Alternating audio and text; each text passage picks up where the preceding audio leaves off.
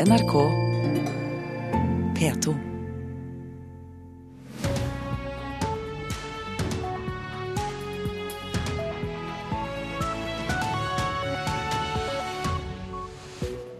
Nyhetsmorgen fortsetter med disse sakene her i studio, Øystein Heggen. Kjemp for det amerikanske demokratiet, sa Barack Obama i sin avskjedstale som president i natt. Kampen mot arbeidslivskriminalitet og sosial dumping skal trappes opp. Det sier Høyre. Et frieri, vi lar oss ikke lure, sier LO-lederen. Forfølgelsen av kristne øker mange steder i verden, viser ny rapport. Og vi kaster tre millioner høner hvert år fordi det ikke er mulig å slakte dem i Norge. Og så importerer vi slaktede svenske høner i stedet. Ja, mens flere informasjoner eh, som vi hørte i Dagsnytt kommer ut om at Russland sitter på sensitiv informasjon om Donald Trump, så har avtroppende president Barack Obama holdt sin avskjedstale i hjembyen Chicago i natt norsk tid.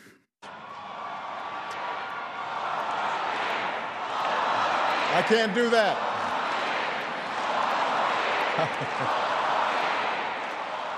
Ja, Obama ble tidlig i talen avbrutt av publikum, som ropte 'fire år til', 'fire år til', og det kan jeg jo ikke gjøre, svarte Obama. Han ba amerikanerne beskytte sitt demokrati, og sa at eh, det amerikanske demokratiet kun var truet eh, når man tok det for gitt. Rivals like Russia or China cannot match our influence around the world unless we give up what we stand for and turn ourselves into just another big country that bullies smaller neighbors. Our democracy, our democracy is threatened whenever we take it for granted. Og det blir mer om Obamas tale i Nyhetsmorgen etter klokka sju, og selvfølgelig også om den sensitive informasjonen russerne skal ha om Donald Trump.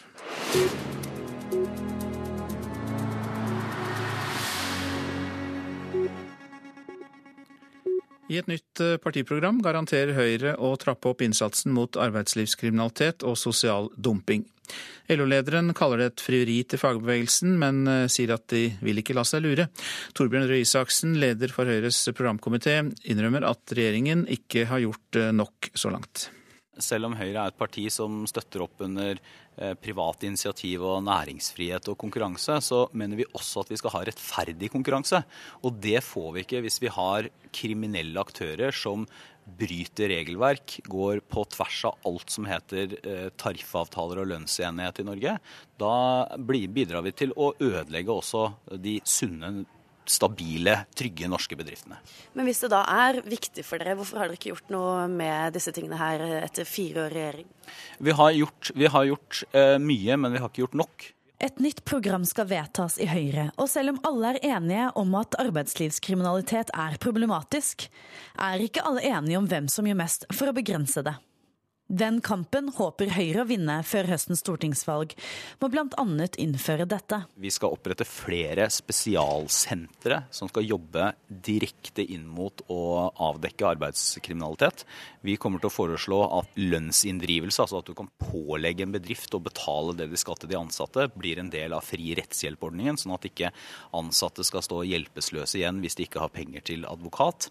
Vi kommer til å foreslå også at vi sammen med partene i arbeidslivet skal opprette opprette flere bransjeprogrammer hvor f.eks. arbeidstakerne, arbeidsgiverne og det offentlige går sammen for å rydde opp og sette klare krav og standarder til arbeidslivet i den bransjen. Selv om LO egentlig synes Høyres tiltak er gode, i hvert fall på papiret, tror Gerd Kristiansen at Høyre aldri vil gjennomføre politikken. Jeg ser det som et frieri til oss i fagbevegelsen. Men eh, mange lot seg lure for fire år siden. Jeg tror ikke de gjør det i dag. Sier Kristiansen, leder i LO. Det er mest prat. Ja. Det, det, er et valgprogram de legger fram. De har jo vist en annen politikk i den perioden som vi nå er, som vi nå er inne i. De har bl.a. gjort Eh, ting med arbeidsmiljøloven som gjør at de ikke er med på å bekjempe verken arbeidslivskriminalitet eller å sørge for at, eh, at vi har et godt organisert arbeidsliv. Det er, noe, det er, ikke noe, hemmelighet at LO i en del saker ønsker å gå enda lenger enn oss, men jeg syns jo allikevel de burde anerkjenne at vi tar arbeidslivskriminalitet og et seriøst arbeidsliv alvorlig. For Høyres programkomitéleder har en garanti til LO-lederen. Hvis dette kommer inn i Høyres program, så mener jeg at dette er noe som kan gjennomføres i løpet av det første året etter et valg. Eh, I hvert fall det meste av det. Reporter var Sunniva Skjeggestad. Bjørn Marhaug, eh, riktig god morgen til deg. God morgen. Du leder Senteret mot arbeidskriminalitet i Oslo-området, der flere offentlige etater samarbeider. og Hva er det største problemet etter din mening med denne typen kriminalitet? Dette er et problem som rammer samfunnet på, på flere områder. Eh, vi ser at ofte er det arbeidstakere som faktisk blir utnytta, de som er, utfører jobben hos dem. Så ser vi at velferdssamfunnet i Norge undergraves med tanke på at det betales verken skatt, avgift, og i en del tilfeller så har vi også Nav-svindel som følge av disse sakene. Når disse aktørene har eh, latt være å betale lønn, skatt og avgift, så utkonkurrerer de også seriøse aktører i sine anbudskonkurranser. I tillegg så får du forbrukerperspektivet i forhold til hva er kvaliteten på arbeidet, hvor skal du henvende deg på reklamasjoner, den type ting. Mm. Hvor stort er omfanget, vet man det? Vi har ikke noen konkrete tall på dette, men vi ser at det er økende i omfang. Tidligere så var det en del som hadde svart arbeid, sosial dumping, den type ting. Nå er det mye mer sånn profesjonalisert og organisert kriminalitet enn tidligere. Og det tar en stadig større del av markedet i de bransjene hvor det er behov for ufaglært arbeidskraft. Så det øker på? Det øker på.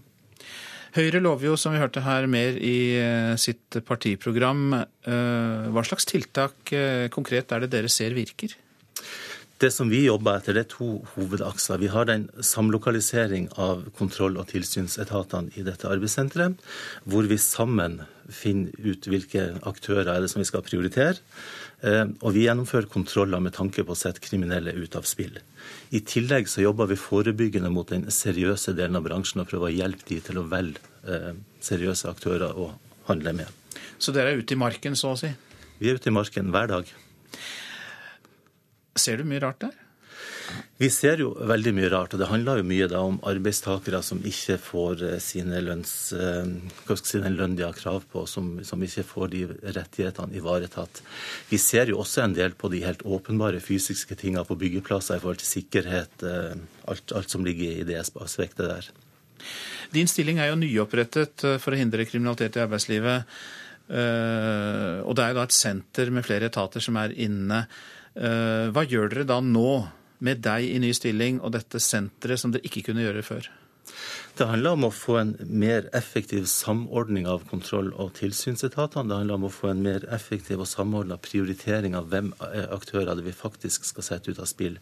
Tidligere satte seks etater og jobba med samme aktør med hvert sitt system uten å vite om hverandre.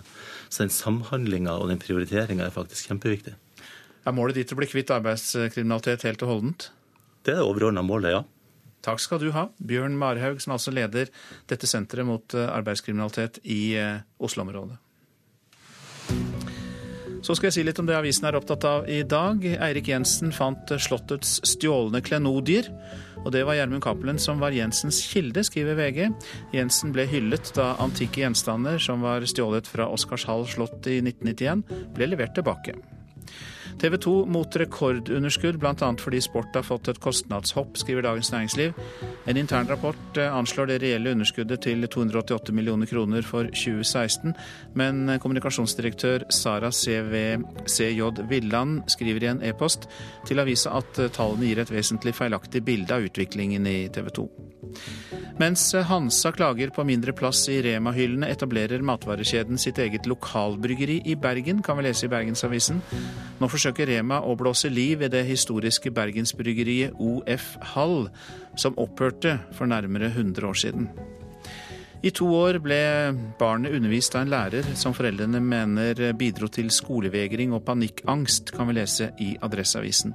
I går beklaget rådmannen dette, at Trondheim kommune ikke evnet å ta tak i problemet, slik at lærerens uakseptable oppførsel ikke opphørte tidligere. Rusliberale aktivister overvåker fienden, kan Klassekampen fortelle. Den narkotikaliberale organisasjonen Normal har eh, laget en lukket database med dokumenter om sine motstandere som står for en mer restriktiv linje i narkotikadebatten. Men en slik eh, database kan være ulovlig, mener Datatilsynet. Fiskerne sier blankt nei til Arbeiderpartiets oljeplan, er oppslaget i Dagsavisen. Hele området rundt Lofoten, Vesterålen og Senja må fredes. Kompromisser er vi imot, sier Fiskarlagets generalsekretær Otto Gregussen. Sylvi Listhaug skal lære asylsøkerne om norske verdier og kultur gjennom kurs i dugnad og likestilling, er oppslaget i Vårt Land. Men en mottakssjef peker på omvendt læring, for nordmenn kan lære mye om eh, folkeskikk og gjestfrihet ved å besøke asylmottak, sier Tor Brekke i mottaksselskapet Hero. Ni av ti kunder har tapt penger på sine investeringer gjennom meglerselskapet Nordic Securities. Samtidig tjente gründerne solid med penger på aksjesalg til egne kunder, skriver Bergens Tidende.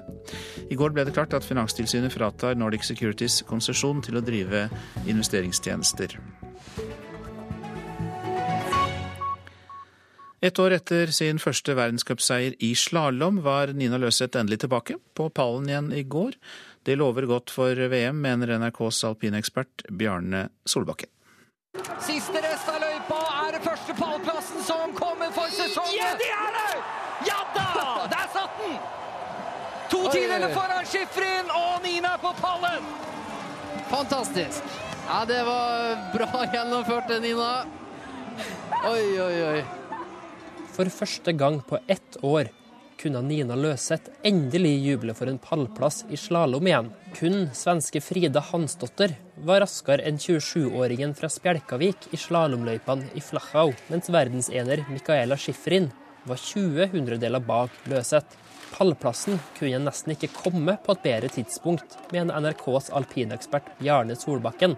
For nå skal det ikke kjøre slalåm før under VM i St. Moritz om en måned. Der er mange sterke slalåm, men hun er jo en av de som, eh, som er i form, i stigende form. Og det, den formutviklinga er jo det som ofte avgjør inn mot et VM.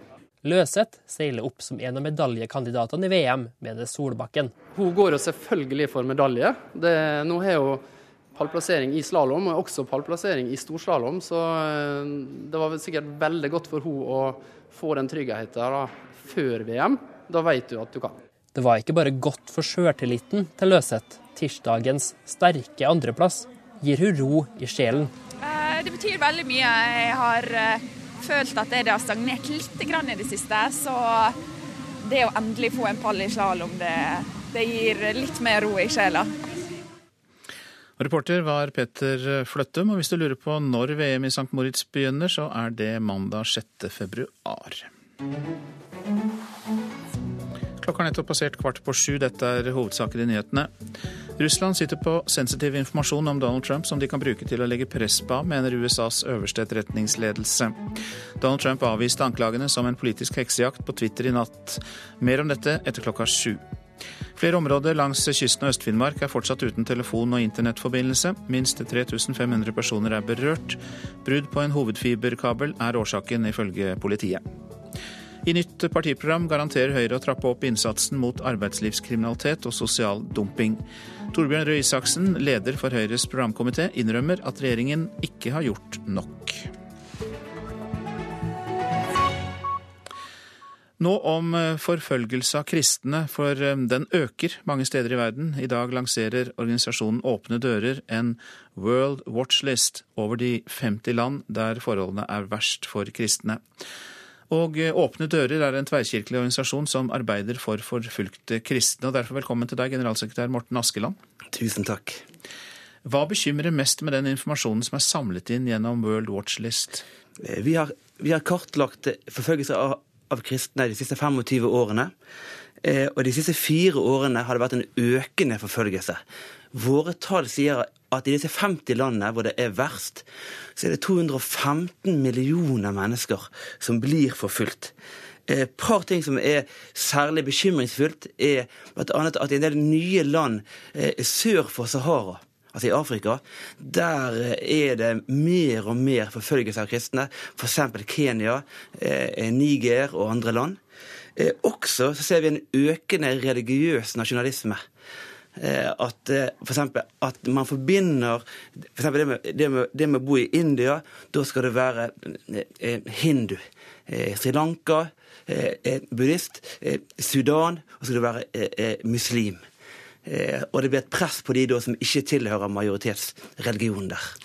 Så kan en forklaring på dette være at man eh, knytter eh, andre religioner sterkt opp til nasjonalisme? Ja, det skjer, det skjer i økende grad flere steder. Og det er en bekymringsfull trend som vi ser. Ja. Du nevnte jo også Afrika sør for Sahara. Du var innom India her. Men hvilke land er verst? Eh, Jemen er det landet som har hatt en verst utvikling siste året. Men det er jo noe knyttet til eh, den borgerkrigen de har der. Og i sånne tider vil ofte minoritetene eh, ha enda dårligere beskyttelse enn det som er, er vanlig. Men det jeg vil framheve mest her, er, det er Pakistan. Der er det fire millioner kristne. Og der det, har det vært en økning av vold mot kristne. Eh, vi vet at hver dag eh, i Pakistan så er det to jenter, to kristne jenter som blir voldtatt, tvangskonvertert og tvangsgiftet. Og Det er altså en måte hvor, hvor de utøver et sterkt press på de kristne der. Eh, så det har vært en stor økning av vold i Pakistan mot kristne. og Det er en av de, de veldig bekymringsfulle eh, trekkene. Men uh, i tillegg da til den volden som dere har registrert bl.a. i Pakistan, uh, på hvilke andre måter skjer forfølgelsen? Er det også former for trakassering? Ja.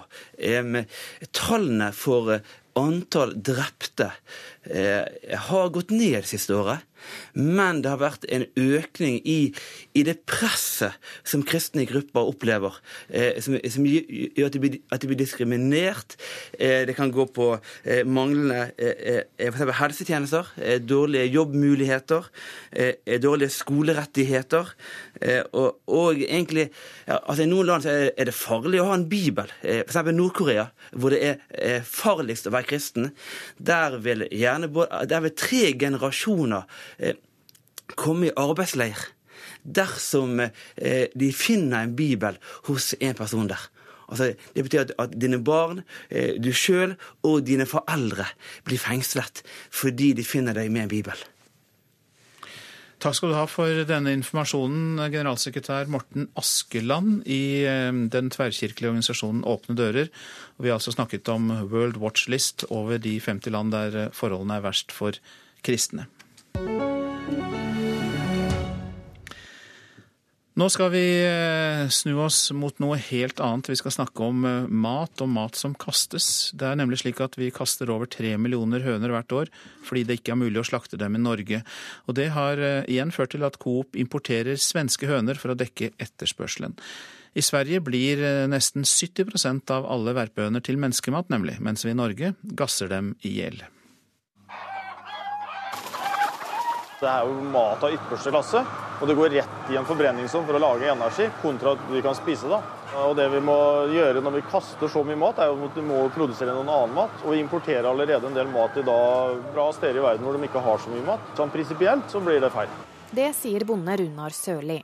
Han skulle gjerne slakta hønene sine slik at de kan brukes til mat, men sier det er vanskelig i Norge i dag, for det finnes nesten ingen slakterier. Du er litt fanga i det, liksom, i systemet på et vis, hvis du ikke gjør noen grep sjøl.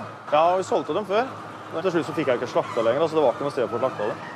Og da får jeg ikke solgt noe mer. Dette er bakgrunnen for det nye prosjektet til NRK-programmet Forbrukerinspektørene. Ved å redde Tønsehus med 7500 høner fra å havne i søpla, ønsker de å rette fokus mot det skjulte matsvinnet i Norge. Før spiste vi høne, nå kastes de og brukes i betong. Folk vi har snakka med, savner høna på middagsbordet. Det er jo ingenting som smaker så godt som, eh, som hønsefrikassé. Høne er greit, det. Når mora mi koker høner. Det må iallfall være fem, seks, sju år siden. For du får ikke kjøpt høner noe mer. Så jeg, jeg, savner det faktisk. Og da er sikkert neste spørsmål ditt hvor blir de av? Ikke sant? Det vil jeg også gjerne visst. Eh, vi selger så mange høner vi bare får tak i, men det er det som er problemet. at vi, vi har fortsatt for eh, lav tilgang. Det sier kommunikasjonssjef i Coop, Harald Kristiansen. Fra august i fjor har de solgt 85 000 svenske høner, i tillegg til 63 000 norske fra et lite slakteri på Ytterøy. Han vil gjerne ha mer norsk høne i butikk. De salgstallene her forteller oss jo at kundene, som da er våre eiere, ønsker å bruke høns i sine kjøkken. Sånn at hadde vi hatt mer tilgang, så tror vi at vi hadde solgt mer høner. Samtidig som vi spiser 65 millioner kyllinger i året, har Norges største eggprodusent Nortura slutta med slakt av høne. Det var ikke lønnsomt for oss, forteller kommunikasjonsdirektør Ellen Flø Skagen. Skulle de starte opp igjen med hønseslakte nå, ville den bli dyrere enn kylling i butikk. Vil vi ha høna tilbake på matbordet, må alle bidra, mener hun. Det er forbrukerens ansvar å eventuelt eh, være villig til å kjøpe det til den prisen det har. Og så må selvfølgelig butikken også ønske å ha det inn, fordi de tror at folk vil kjøpe det. Så det her er et lag, lagarbeid i hele linja. Og det blir mer om dette i Forbrukerinspektørene klokka 20.25 på NRK1 i kveld. Reporter var Lena Gundersby Gravdal. Forrige uke sprengte Forsvaret 70 miner på kysten av Jæren. 200 000 tonn eksplosiver ligger fortsatt igjen etter krigen. Nå vil forskere kartlegge alt for å gjøre ryddejobben lettere. Men Miljøverndepartementet vil ikke være med på spleiselaget. Det minefeltet som gikk over her. Albrett Hodne fra Jæren er en av stadig færre øyenvitner fra krigen. Personer som han er viktige i arbeidet med å finne gammel ammunisjon, sier forskningsleder Øyvind Woie ved Forsvarets forskningsinstitutt. I romjula ble det funnet over 70 gamle miner på Jæren. Nå vil Forsvaret kartlegge all gammel ammunisjon i landet i et svært forskningsprosjekt. Det har eh, egentlig bare blitt bedrevet sånn brannslukningsarbeid. I høst har forskeren gått på tiggerferd blant departementene, men har bare fått en tredjedel av pengene han trenger. Etter hvert så vil jo eh, denne ammunisjonen korrodere og eh, kunne lekke ut til omgivelsene. Men Miljøverndepartementet vil ikke være med på spleiselaget. Selv om både fiskeri, landbruk, samferdsel og Forsvarsdepartementet har gitt midler til forskningsprosjektet, sier kommunikasjonssjef i Miljødepartementet Jon Berg at dette er Forsvaret sitt problem. Men en rapport fra Justisdepartementet fra 2012 sier klart og tydelig at hvis ammunisjonen er en forurensningsfare, er dette Miljøverndepartementet sitt ansvar. Og mens minene fortsetter å dukke opp på Jæren og i resten av landet, tikker klokka ubønnhørlig både for ammunisjonen i vann og på land. Der omtrent gikk minefeltet. Men òg for øyenvitnene, som kanskje vet hvor han ligger. Disse øyenvitneskildringene er kanskje noe av det viktigste vi har da, til å lokalisert eh, dumping av ammunisjon etter krigen. Reporter Eirik Gjesdal.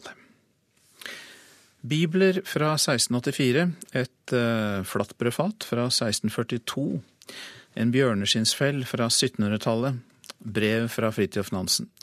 Ja, alt dette og flere andre, flere hundre faktisk, unike kulturskatter gikk tapt da to hus på slektsgården Hanestad i vest Hanestad Vestre heter den, fra 1575 i Rendalen brant ned til grunnen for en halv uke siden.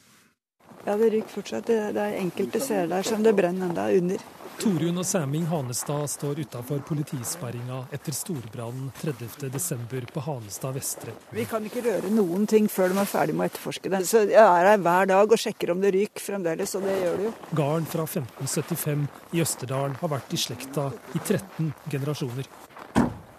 Ekteparet var bortreist for å feire nyttår da de fikk melding om den dramatiske brannen. Jeg ble helt fortvilet. Jeg, jeg trodde det ikke. Det, det, er så ufattelig, så du blir helt nummen. Og det, det er jeg delvis enda der jeg står og ser på det. Jeg skjønner det ikke enda. Nei, vi gjør ikke det. Et av de to husa som brant, var Østerdalsstua fra 1805, fylt av flere hundre år gamle kulturskatter. Den ene familiebibelen, den gamle fra 1684. Det, for meg så er nok den det verste. Det er helt unikt. Altså Den Bibelen for eksempel, den er helt unik. Det var to brødfat, et brødfat fra 1642. Nei, det... det... var et museum? Ja, det, det, var, altså, det, var, et av de fineste museene i hele Østerdal. Veggskap, vogger og kister, butter, trau og øser. Til sammen flere hundre gjenstander gikk tapt i brannen. En ullfòre bjørneskinnspels fra 1785. Med sånn blått ullfòre med brodert på. Det, og det mest verdifulle, det er et glass brystpumpe. Det fins nesten ingen maken. Jeg vet ikke om det fins maken. Blant skjøter og bilder som brant opp, var også personlige brev fra forfatter Jakob Breda Bull og polarhelten Fridtjof Nansen. Og blant annet fra Nansen i forbindelse med at han skulle ha noen skiemner og, og turen sin. da. Sjøl om mange av de viktige papirene lå i en safe, ble ingenting redda ut. Nei, ingenting. Ikke, ikke, ikke en dritt. Politiet har ennå ikke starta å etterforske brannen. Det verste er altså, tapet av hele huset og hele miljøet inni der. Husa hadde brannvarslingsalarm, men ikke overrislingsanlegg. Kunne ha vært sikra på noen bedre måte, syns du? Nei, hadde vi hadde jo diskutert dette med å legge opp overrislingsanlegg.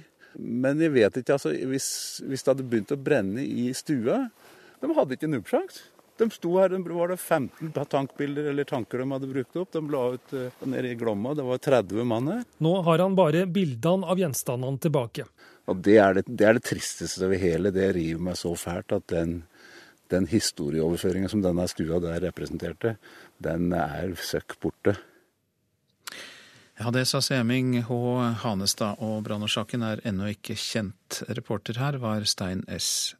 Eide. Så tar for oss været. Østafjells på formiddagen sørlig sterk kuling på kysten med kraftige vindkast. Det blir regn og sludd. Snø i indre og høyereliggende strøk. Utover dagen blir det etter hvert mindre vind og nedbør. Fjell i Sør-Norge snø. Sør for Jotunheimen vestlig sterk kuling og snøfokk. Nord for Jotunheimen perioder med sørlig liten kuling. Så var det Vestlandet. Varierende vindforhold, perioder med vestlig liten kuling. På formiddagen ventes sterk kuling på kysten av Hordaland. I Rogaland kan det bli kortvarig full storm, med lokale vindkast opp mot 25-30 meter per sekund. På hele Vestlandet ventes regn og haglbyger, snøbyger i indre og høyereliggende strøk, og det er til og med utrygt for torden, da. I Trøndelag og Nordland liten sørøstlig kuling utsatte steder, perioder med sludd eller regn, mens det blir snø i indre og høyereliggende strøk. Til kvelden blir det vestavind og økende nedbør i Trøndelag, opphold i Nordland. Troms og Finnmark litt snø, etter hvert opphold. Spitsbergen nordvestlig liten kuling, spredte snøbyger. Temperaturer målt klokka fire. Svalbard lufthavn minus 11, Kirkenes minus 8, Varde minus 2, Alta minus 7, Tromsø minus 3. Så er det plussgrader. Bodø 1, Brønnøysund 3, Trondheim 6, Molde 4, Bergen 5, Stavanger 6, Kristiansand 7. Gardermoen og Lillehammer begge 4, Røros 0 og Oslo-Blindern 5 grader.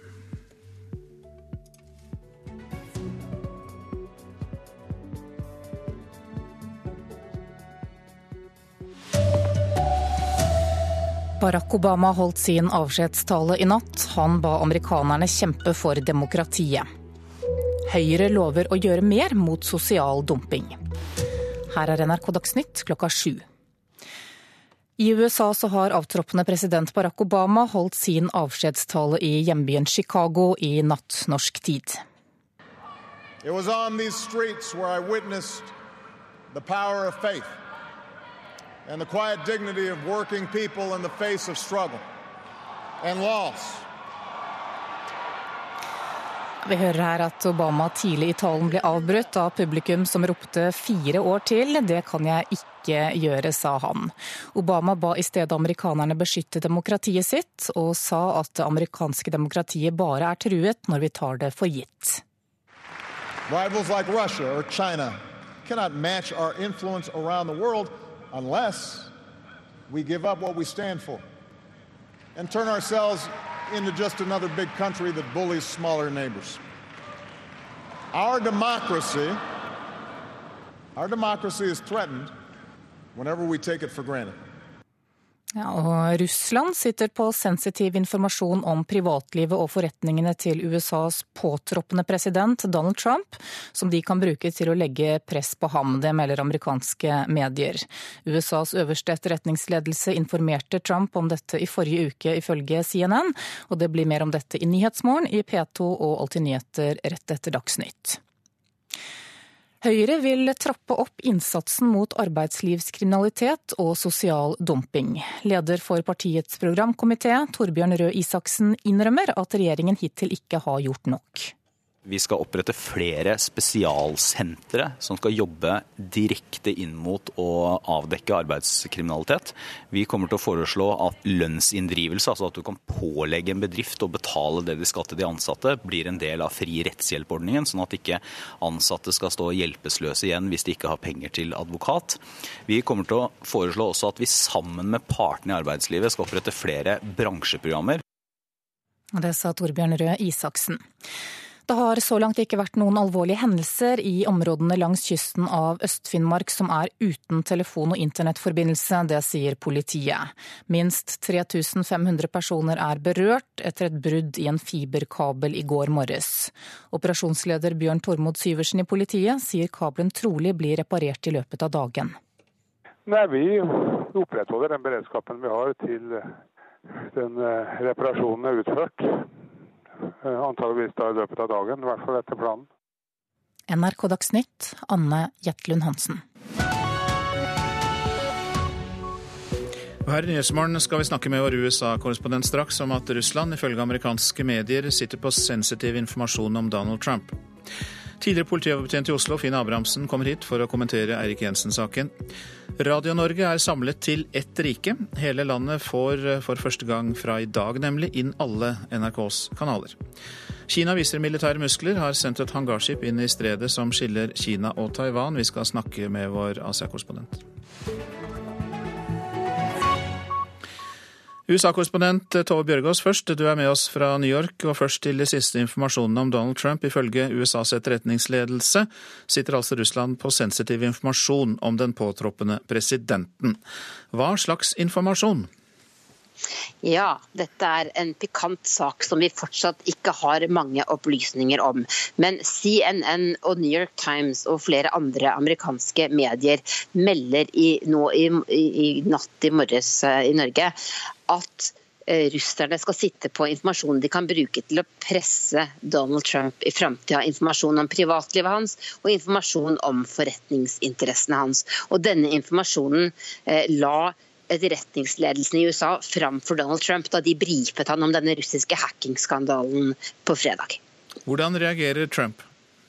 Trump reagerer med å avvise dette totalt, og på Twitter skriver han at dette er en total politisk heksejakt. Det har han tidligere sagt om hackingskandalen, men, men, eh, men nå med store bokstaver. Han skal holde en pressekonferanse om mange temaer senere i dag. og Det er ventet at dette vil dukke opp eh, der, dersom denne pressekonferansen fortsatt vil finne sted. Ja, for det er ikke sikkert? Vi vet veldig lite om pressekonferansen. Vi har fått høre at den skal være klokken 17 norsk tid. Det er derfor jeg er her i New York. Men, men, vi vet ikke hvor den skal være, vi vet ikke hvem som slipper inn der. Og det er altså første gang på sju måneder at Donald Trump skal holde en pressekonferanse. Ja, Men uh, det blir også sagt noe kanskje også om FBI-sjefens rolle i disse avsløringene? Ja, Dette er svært komplisert. Eh, noen husker kanskje at i slutten av valgkampen eh, så gikk FBI-sjef Jem Comey ut og, og sa at eh, de ville gjenåpne etterforskningen av disse e-postene til Hillary Clinton. Det ble et voldsomt bråk rundt det, og i etterkant har noen demokrater hevdet at det var grunnen til at hun tapte valget. Eh, FBI-sjefen var også med på denne brifingen med Trump. Og nå er det enkelte på demokratisk side som lenge har ment at han har visst om disse opplysningene rundt Trump og Russland, eh, men at han ikke har gjort dem kjent, og at han heller ikke har gjort det kjent at FBI har etterforsket dem. Så dette er, er noe som går langt inn i de politiske irrgangene her.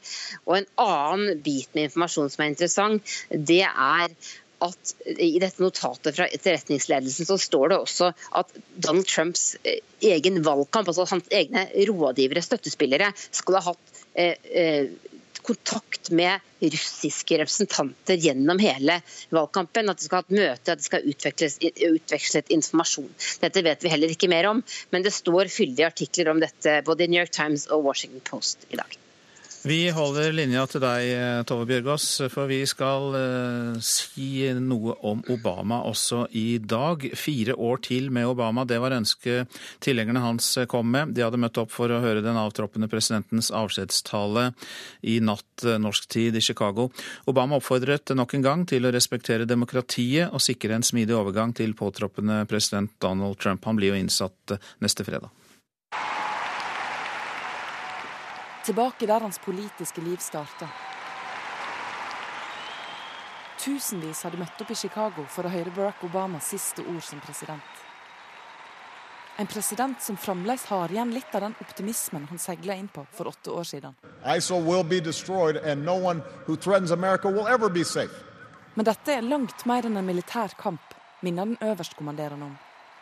Og sa at dette er en kamp vi alle må kjempe, En kamp for våre demokratiske verdier. Democracy can buckle when it gives in to fear.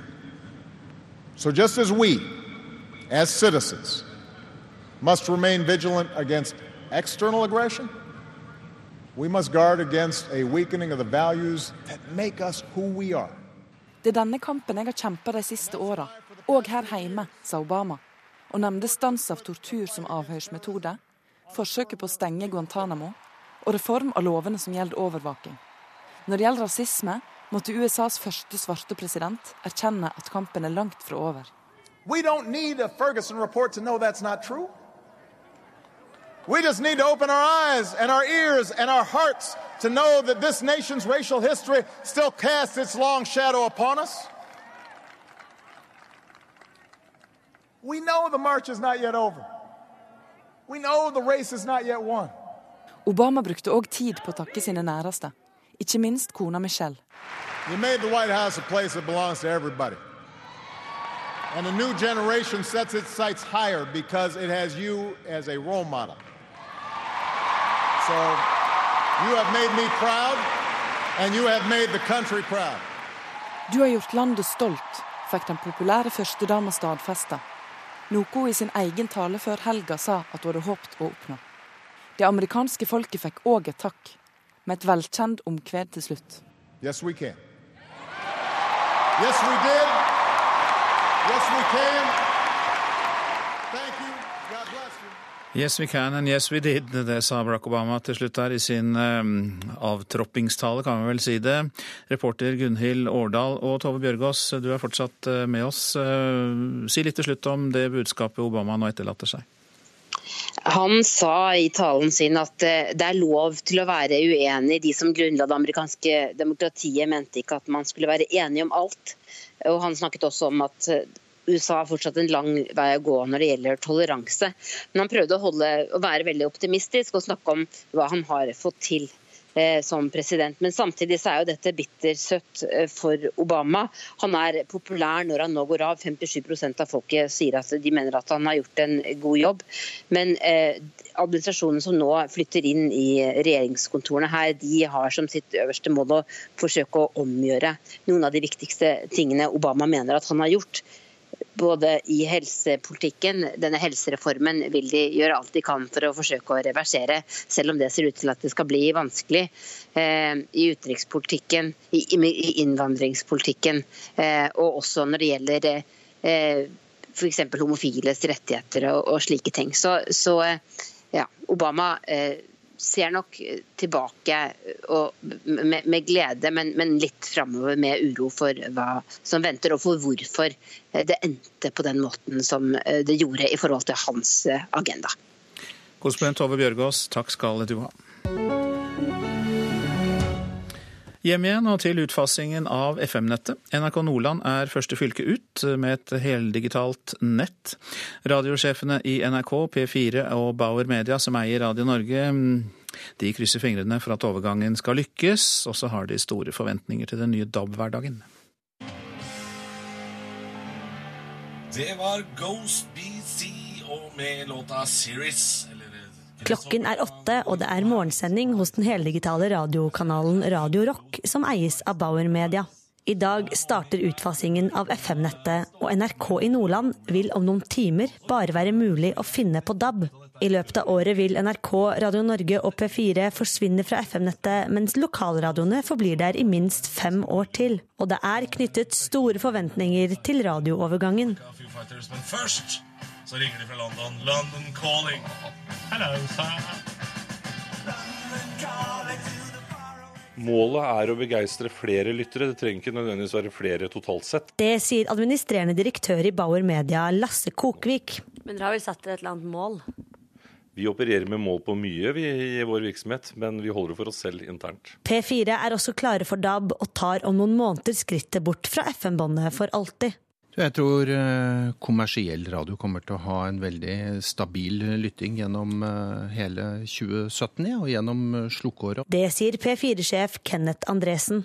Så, så, så, jeg forventer en veldig stabil uh, lytting. Radiosjef i NRK Marius Lillelien har store forventninger til radioovergangen, og sier at målet er å få alle lytterne med seg over på DAB. Målet må jo være å opprettholde radiolyttingen, men det er selvfølgelig vanskelig å si hvordan ville utviklingen vært hvis vi ikke hadde digital radio. Fordi at vi ser vi har jo mange kanaler som vi fra NRKs side har i dag som vi ikke ville hatt hvis vi ikke hadde digital radio. Så, så vi vet jo ikke hvor altså, Med all sannsynlighet så hadde vi hatt lavere lytting i dag hvis vi ikke hadde gjort dette.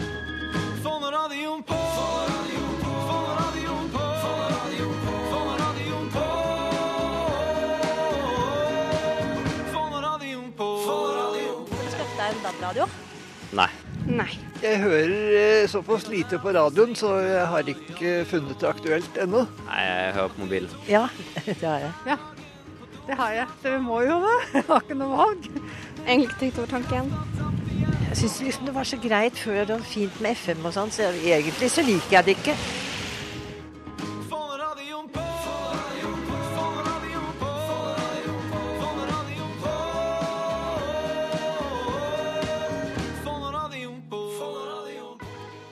Og det var Mari Sand Malm som eh, var eh, reporter. Og eh, det skjer jo da i Nordland den første slukkingen, og selvfølgelig. Du er med oss fra studio i Bodø, Tor Gjermund Eriksen, kringkastingssjef. Riktig god morgen. God morgen til alle dere på Marienlyst og lytterne. Vi har jo skjønt av dette innslaget og ellers også at begeistringen er stor for denne endringen, men vær så snill å fortelle våre lyttere hvorfor i all verden skal Norge være først ute med å fjerne FM-nettet? Det er, Fra i dag så er det altså første gang i historien som vi har et like godt radiotilbud i hele Norge. Vi er i Bodø nå, som du sa. I går hørte jeg at Vegvesenet hadde kjørt alle tunnelene i Nordland, som nå har alle kanaler. Tidligere så var det mange av dem som ikke hadde radio i det hele tatt, og, og mange hadde bare P1. Og vi, vi er vant til et godt radiotilbud i byene, men fra nå så får vi også alle kanaler, både fra NRK og de kommersielle, i ja, så å si hele landet. 99,7% av husstandene er dekket av det nye DAB-nettet. Så motivasjonen fra oss er selvsagt ikke å lage trøbbel for folk, men å, å gi det beste radiotilbudet som vi noen gang har, har gitt det norske folk. For du har egentlig én nyhet i hver hånd, Tor Eivind Eriksen. Altså, du skal slukke Nordland i dag klokka 11.11, 11, altså FM-nettet. Men i tillegg så, så, er jo da alt det NRK kan tilby på radio, tilgjengelig for hele landet? Ja, og det vi har sett de siste årene som, som, fører opp til denne dagen i dag, at mange har utviklet radiotilbudet. En nabokanal i NRK er jo P1 pluss. Den hadde vi ikke hatt mulig den hadde vi ikke hatt mulighet til å lansere hvis vi ikke hadde det nye DAB-nettet. Det er faktisk blitt en av de største radiokanalene i landet, som de som de litt godt voksne lytterne er blitt veldig glad i i løpet av et par år.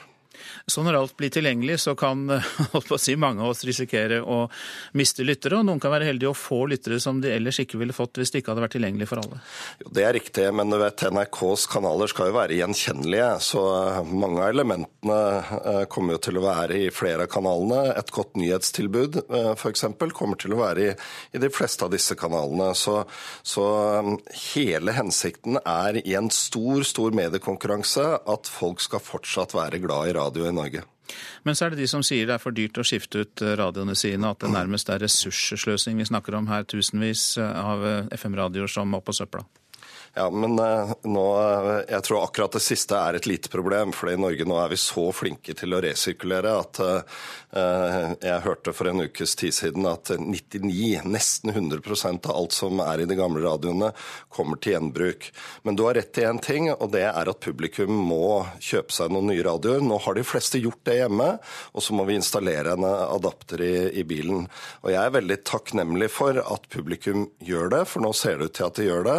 Og jeg skjønner også at en del syns det er litt jobb. Men det er sånn med sånne store teknologiskifter i et samfunn som vi skal gjennom mange av i årene som kommer, at det krever litt av oss alle sammen. Men i andre enden får vi altså et mye bedre radiotilbud. Er det bilen folk liksom sitter på gjerdet og venter med å skifte ut radioen i? Ja, det kan se sånn ut nå. For syv-åtte åtte av ti husstander i Norge har eh, DAB-radioer. Du får jo veldig gode DAB-radioer for noen få hundrelapper. Eh, eh, sånn at veldig, veldig mange, nesten alle, har DAB-radio. Og de som ikke har det, kan jo også lytte via mobilen. Men bilen har de ventet med. Jeg ser her oppe i Bodø nå at det er rimelig store køer for å få adaptere som er, ikke er så veldig dyre, og som kommer til å gi et godt radiotilbud i bilen også. Takk skal du ha, kringkastingssjef eh, Tor Gjermund Eriksen. Klokka 11.11 .11 skjer det altså. Da slukkes FM-nettet i Nordland og blir eh, heldigitalisert gjennom DAB. Klokka går mot 7.18. Dette er hovedsaker. Russland sitter på sensitiv informasjon om Donald Trump som de kan bruke til å legge press på ham, mener USAs øverste etterretningsledelse. Donald Trump avviste anklagene som en politisk heksejakt på Twitter i natt. Flere områder langs kysten av Øst-Finnmark er fortsatt uten telefon- og internettforbindelse. Minst 3500 personer er berørt. Det er brudd på en hovedfiberkabel som er årsaken, ifølge politiet. Og I dag starter altså utfasingen av FM-nettet, og NRK Nordland er først ut. Nå til Eirik Jensen-saken. I dag skal han forklare seg retten om forholdet til Gjermund Cappelen. Forholdet mellom de to er jo kjernen i saken. Jensen har nok sett fram til å fortelle sin versjon i retten, sier forfatter og journalist Per Asle Rustad, som har kjent Jensen i flere år. Jeg tror det er viktig for Erik Jensen å understreke at det har ikke vært noe personlig forhold mellom han og Cappelen, men at han har vært en informant og at det har vært et profesjonelt forhold. Men at Erik Jensen på en måte har satt sin ære i det at politiet ikke bare kan bruke mennesker, men også må å si, beskytte dem og ta vare på dem. Og det gjelder ikke bare Cappelen, men alle andre informanter de har brukt. da. Så tror jeg at han uh, har lagt veldig vekt på det, den menneskelige siden i det også. Eirik Jensen begynte å forklare seg i retten i går. I dag skal han snakke om Gjermund Cappelen. Det er forholdet mellom de to, og hvem som lyver om det, som er kjernen i saken. Jensen skal forklare hvorfor de har hatt kontakt, sier forsvarer Jon Christian Elden. De ble kjent i 1993. Hvorfor ble de kjent, hva var bakgrunnen? Eh, og den informantbehandlingen som har vært med Cappelen opp gjennom årene, frem til han ble pågrepet i 2013. desember. Hva er det viktigste for han å få frem om forholdet mellom de to? Eh, hvorfor de har hatt et forhold, altså hva som er årsaken til dette, og at det er tjenestemessig basert fra hans side, ikke fordi at han er kriminell. Cappelens forsvarer Bendikte Vibe ba i går de tiltalte ikke nevne konkrete navn i sine forklaringer. Da ville han be om lukkede dører. Og det kan skje i dag, sier det Vibe. Vi får se om vi griper inn med en begjæring om lukkede dører hvis, eh, hvis, det er aktuelt å nevne konkrete navn. Hvis det er bare å drive med påstand om at det var informant osv. I, I de enkelte tilfellene så er det ikke behov for det. Men eh, hvis det skal nevnes navn, så vil det bli eh, fremsatt begjæring om lukkede dører. Det er Elden forberedt på. Forklaringen vil iallfall bli den samme uansett, men vi mener at det skal gå for åpne dører, slik at allmennheten kan få innsyn i hva dette handler om. I sin forklaring i går sa Jensen at han hadde stilt opp mye for mange, inkludert han som sitter i stolen der, sa han, med klar henvisning til Cappelen. Rustad, som bl.a. har intervjuet Jensen til sin bok om gjengmiljøet i Oslo, tror vi vil høre mer om dette. Nettopp det tror jeg føles veldig tungt for Eirik Jensen, når han i sin verden selvfølgelig vet, at, vet hva han har gjort for Cappelen, og opplever da å bli stukket i ryggen på denne måten her. Det tror jeg nok han opplever litt personlig tungt. Og Det kommer vi nok til å få høre mer om i retten. Reporter var Milana Knesevic. Finn Abrahamsen, velkommen hit. Ja, takk. Tidligere politiopptjent og leder av Oslo-politiets voldsavsnitt, og har samarbeidet med Eirik Jensen i flere saker. Hva er du mest spent på i dag når det gjelder Jensens forklaring? Nei, altså, Han fortsetter jo sin uh, frie forklaring i dag, og uh, som vi hører, så vil han da gradvis nå gå nærmere inn på hans tilknytning til Cappelen. Uh, at dette er av tjenestemessige grunner han har hatt den forbindelsen. Altså brukt han som kilde. Og Han har jo fulgt han opp på alle andre måter, og det er jo vel kjent at han alltid tatt veldig godt vare på, på sine kilder. Hva slags samarbeid hadde du med Jensen i Oslo-politiet? Ja, det hadde vi da i enkeltsaker som dukket opp. og uh, Vi så et eksempel på dette her nå, nå uh, i begynnelsen. En drapsmann bl.a. som sto utenfor der. Den husker jeg godt, den saken der.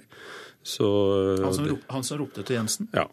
Så dette er, dette er, ikke helt uproblematisk i forhold til det arbeidet. Og jeg tror nok at vi kan risikere flere slike eksempler i tiden fremover nå. Ja, Så du tror eh, Jensen kan bli utsatt for eh, trakassering? Det har han jo ofte blitt, og, det vil han også naturligvis nå bli. For nå føler de liksom et overtak når at han sitter der og de kan stå utafor. Og, de kommer jo ikke inn ofte, sånne type mennesker, for de har ikke adgang til rettslokalet. Men uh, de kan iallfall stå utenfor og, og, og plage han. Jensen viste jo også til et hemmelig prosjekt han har arbeidet med. Vet du noe om det? Nei, jeg vet ikke noe om det. Det er jo etter min tid. Men utgangspunktet er at han har jo ikke gjort annet enn å jobbet med delvis altså såkalt hemmelige prosjekter. Eh, de har jo kjørt aksjoner på forskjellige nivåer. Og det er jo ikke akkurat offentlig, dette her. og Det regnet som å være hemmelig for den kretsen da som jobber med det. Så dette er ikke noe nyhet, det. Men dette han har vært nå, det er altså det vi kaller for superhemmelig. Og, det er jo også gitt en bekreftelse på det. Og det er ikke noe overraskelse for oss som har jobbet med den etaten, at eh, det forekommer. Så dette er ikke noen nyhet i seg selv. Det er bare det at han kan altså ikke få gå ut med de tingene der. Det kan altså skade andre ting igjen. Nå har jo aktoratet brukt eh, de to første dagene på å legge fram eh, bevis de mener de har mot Jensen. Hvordan ser du på det som er presentert så langt? Altså, dette er jo ikke noe overraskelse, for det har jo eh, vært annonsert i mediene nå i en lang, lang tid. Og, og eh, det, det, som blir utfordringen, det er jo å knytte han til disse såkalte bevisene. Eh, det er jo kjempeutfordring. Og det blir også nå som blir utfordring for Jensen. Han skal utspørre, nå begynne utspørringen fra aktoratet. Og det er der som han får kjørt seg, vil jeg tro nå, i dagene fremover. Når det blir en dialog, spørsmålsstilling til ham? Ja, for da blir han altså stilt spørsmål aktor. Present, altså, presenterer det, konfronterer han ikke sant, med disse tingene, og gjerne vil at han skal svare da. Eh, og, og, da er det jo viktig for han at han har svar. Hvis ikke så er det jo et problem for han, selvfølgelig. Og dette kan nok være en utfordring fordi at det går over så lang tid. Og eh, det skal også godt gjøres å huske alle disse tingene eh, som er dukket opp gjennom forklaring til en annen person. De nærmeste dagene vil jo vise hvordan dette utvikler seg. Hjertelig takk for at du kom, Finn Abrahamsen, tidligere politioverbetjent og leder av Oslo-politiets voldsavsnitt.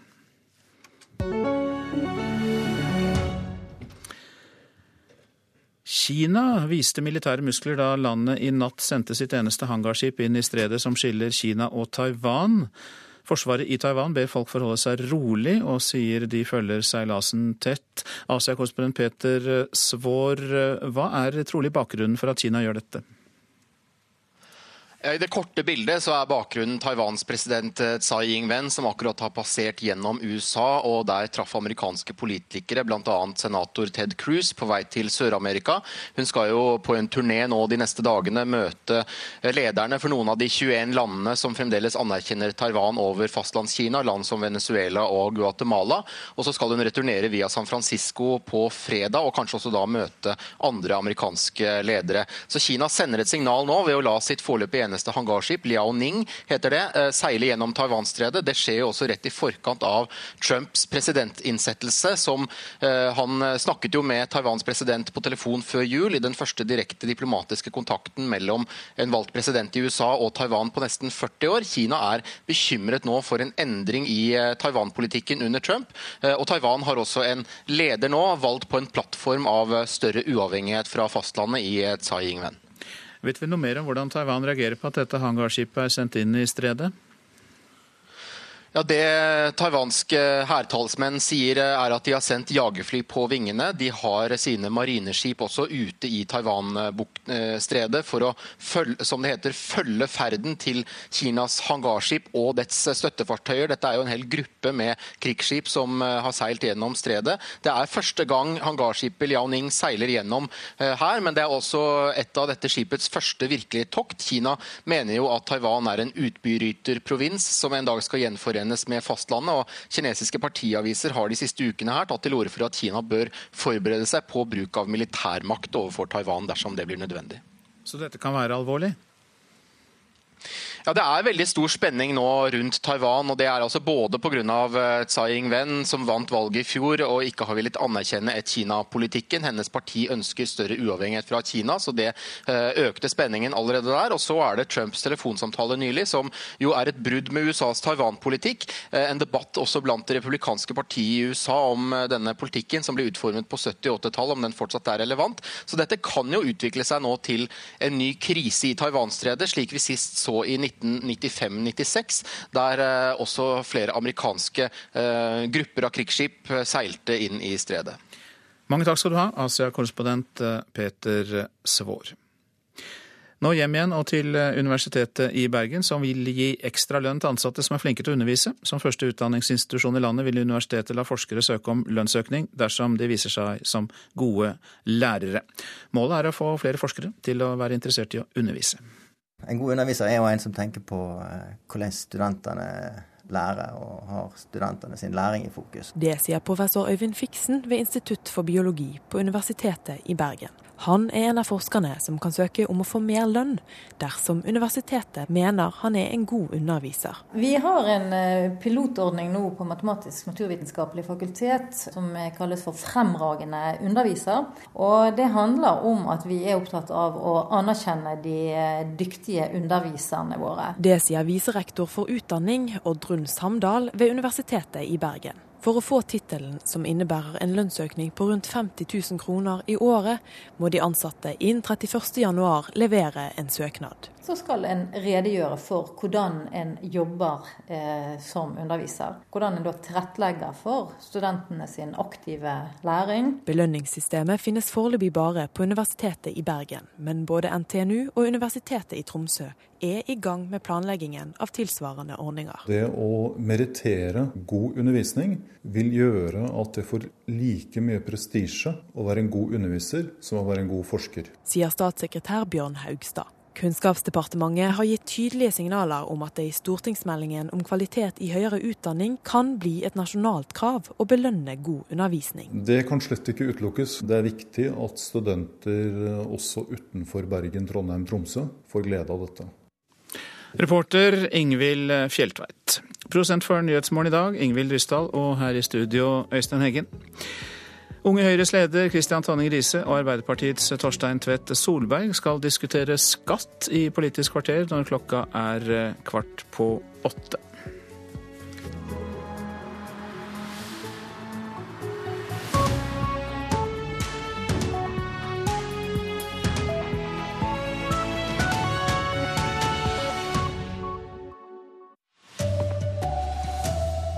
Russland sitter på informasjon som kan brukes til å presse Donald Trump, ifølge amerikanske medier. Norge slukker FM-nettet i dag. Nordland er først i verden. Og norske høner brukes til betong i stedet for mat, men flere savner høna på middagsbordet. Det er jo ingenting som smaker så godt som, som hønsefrikassé. Her er NRK Dagsnytt klokka 7.30. Russland har informasjon som kan brukes mot USAs påtroppende president Donald Trump. Det melder CNN og flere andre medier. USAs etterretningssjef skal ha informert Trump om påstandene i forrige uke. Russians, I think, well, have no compunction about using the full array of uh, tools and techniques available in, uh, in their kit bag. Russerne kan nok godt tenke seg å bruke alle verktøyene de har i verktøykassa si, sa USAs øverste etterretningssjef James Clapper da han i går forklarte seg om russisk etterretning i Senatet. I høringen fortalte ikke Clapper om det hemmeligstemplede notatet han ga Donald Trump på fredag. Dersom det som står der stemmer, kan Russland ha et svært farlig verktøy i kassa si. Ifølge CNN og New York Times har nemlig russiske myndigheter informasjon om Donald Trumps privatliv og forretningsinteresser som de kan bruke til å skade ham i framtida. Den amerikanske etterretningsledelsen har fått disse opplysningene fra research som ble bestilt av Donald Trumps motstandere i valgkampen. De har fram til nå ikke kunnet verifisere informasjonen godt nok men har begynt å etterforske den og informerte derfor Trump og president Obama. Hva slags informasjon det skal være snakk om, er ikke kjent. Men New York Times skriver at det finnes et notat om en sexvideo med Trump og russiske prostituerte. Donald Trump avviser anklagene og kaller dem en total politisk heksejakt på Twitter. I ettermiddag skal han etter planen holde sin første pressekonferanse på sju måneder. I notatet fra etterretningssjefene står det også at Trumps egne støttespillere skal ha hatt jevnlig kontakt og informasjonsutveksling med russiske representanter gjennom valgkampen. Tove Bjørgaas, New York. Og flere tusen mennesker hadde møtt opp i Chicago i natt for å høre Barack Obamas siste tale som president. Selv om han brukte deler av talen til å advare om trusler mot demokratiet, så viste Obama fortsatt litt av den optimismen som sikret ham valgseieren for åtte år siden.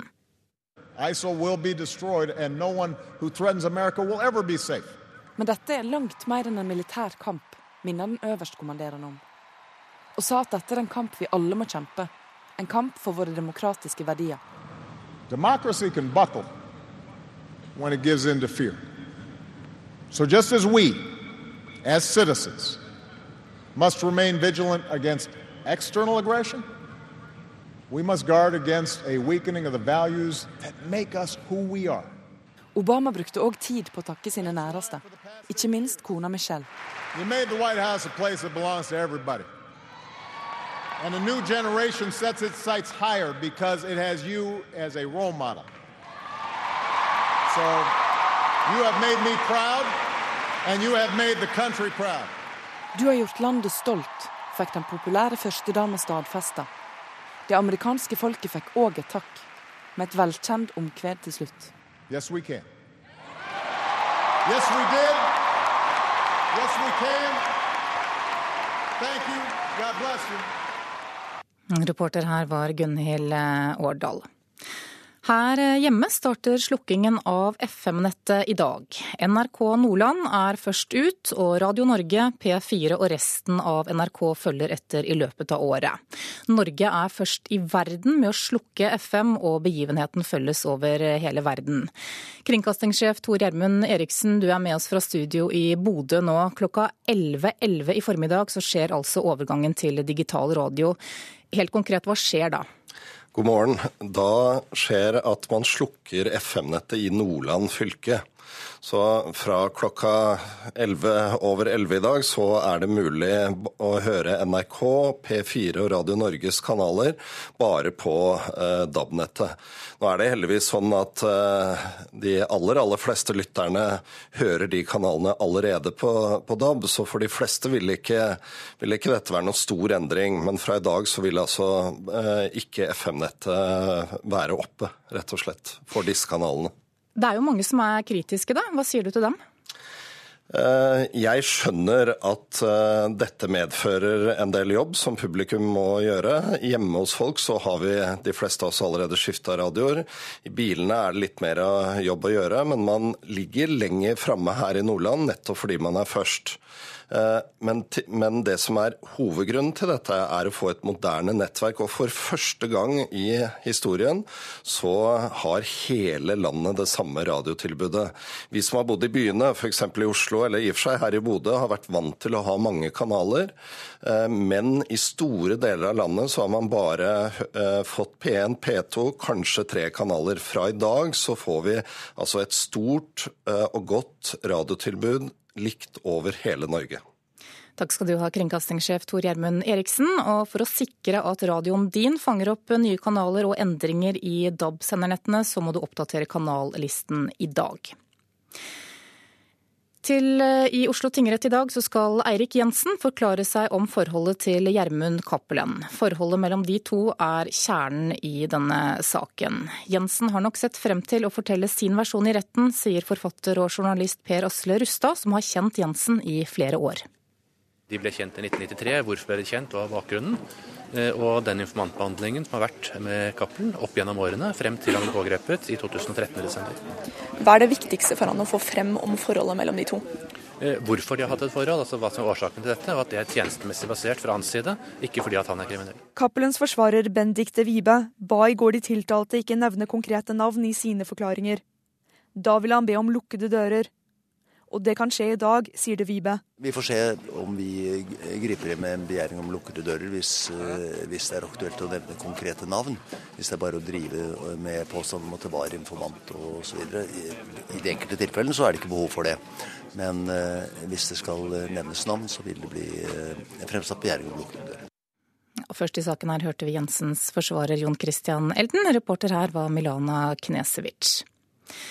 Det har så langt ikke vært noen alvorlige hendelser i områdene langs kysten av Øst-Finnmark som er uten telefon- og internettforbindelse. Det sier politiet. Minst 3500 mennesker er berørt etter et brudd i en fiberkabel i går morges. Coop importerer høner fra Sverige for å dekke etterspørselen fra kundene. Her i landet finnes det nesten ikke slakterier for høner. I stedet blir tre millioner høns gasset i hjel hvert år. Men det er absolutt et marked for å selge høner som mat. Det sier Harald Kristiansen i Coop Norge. Vi selger så mange høner vi bare får tak i, men det er det som er problemet. At vi, vi har fortsatt for lav tilgang. Fra august i fjor har de solgt 85 000 svenske høner, i tillegg til 63 000 norske fra et lite slakteri på Ytterøy. Han vil gjerne ha mer norsk høne i butikk. De salgstallene her forteller oss jo at kundene, som er våre eiere, ønsker å bruke høns i sine kjøkken. Sånn at hadde vi hatt mer tilgang, så tror vi at vi hadde solgt mer høner. Dette er bakgrunnen for det nye prosjektet til NRK-programmet Forbrukerinspektørene. Ved å redde Tønsehus med 7500 høner fra å havne i søpla, ønsker de å rette fokus mot det skjulte matsvinnet i Norge. Før spiste vi høne, nå kastes de og brukes i betong. Folk vi har snakka med, savner høna på middagsbordet. Det er jo ingenting som smaker så godt som, eh, som hønsefrikassé. Det må iallfall være fem, seks, sju år siden. For du får ikke kjøpt høner noe mer. Så jeg, jeg, savner det, faktisk. Samtidig som vi spiser 65 millioner kyllinger i året, har Norges største eggprodusent Nortura slutta med slakt av høne. Det var ikke lønnsomt for oss, forteller kommunikasjonsdirektør Ellen Flø Skagen. Skulle de starte opp igjen med hønseslakt nå, ville den bli dyrere enn kylling i butikk. Vil vi ha høna tilbake på matbordet, må alle bidra, mener hun. Det er forbrukerens ansvar å eventuelt være villig til å kjøpe det til den prisen det har. Og så må selvfølgelig butikken også ønske å ha det inn, fordi de tror at folk vil kjøpe det. Så det her er et lag, lagarbeid i hele linja. Det sa Ellen Flø Skagen i Nortura. Reporter her var Lena Gundersby Gravdal. Og det blir mer om dette i Forbrukerinspektørene klokka 20.25 på NRK1 i kveld. Og Matkjedene og næringsmiddelindustrien mener et lovforbud mot kasting av mat vil være lite målrettet. De vil heller ha en bransjeavtale. Et klart flertall på Stortinget har gått inn for å utrede og eventuelt foreslå et slikt forbud. Ansvarlig for NRK Dagsnytt er Erlend Rønneberg. Her i studio Anne Jetlund Hansen.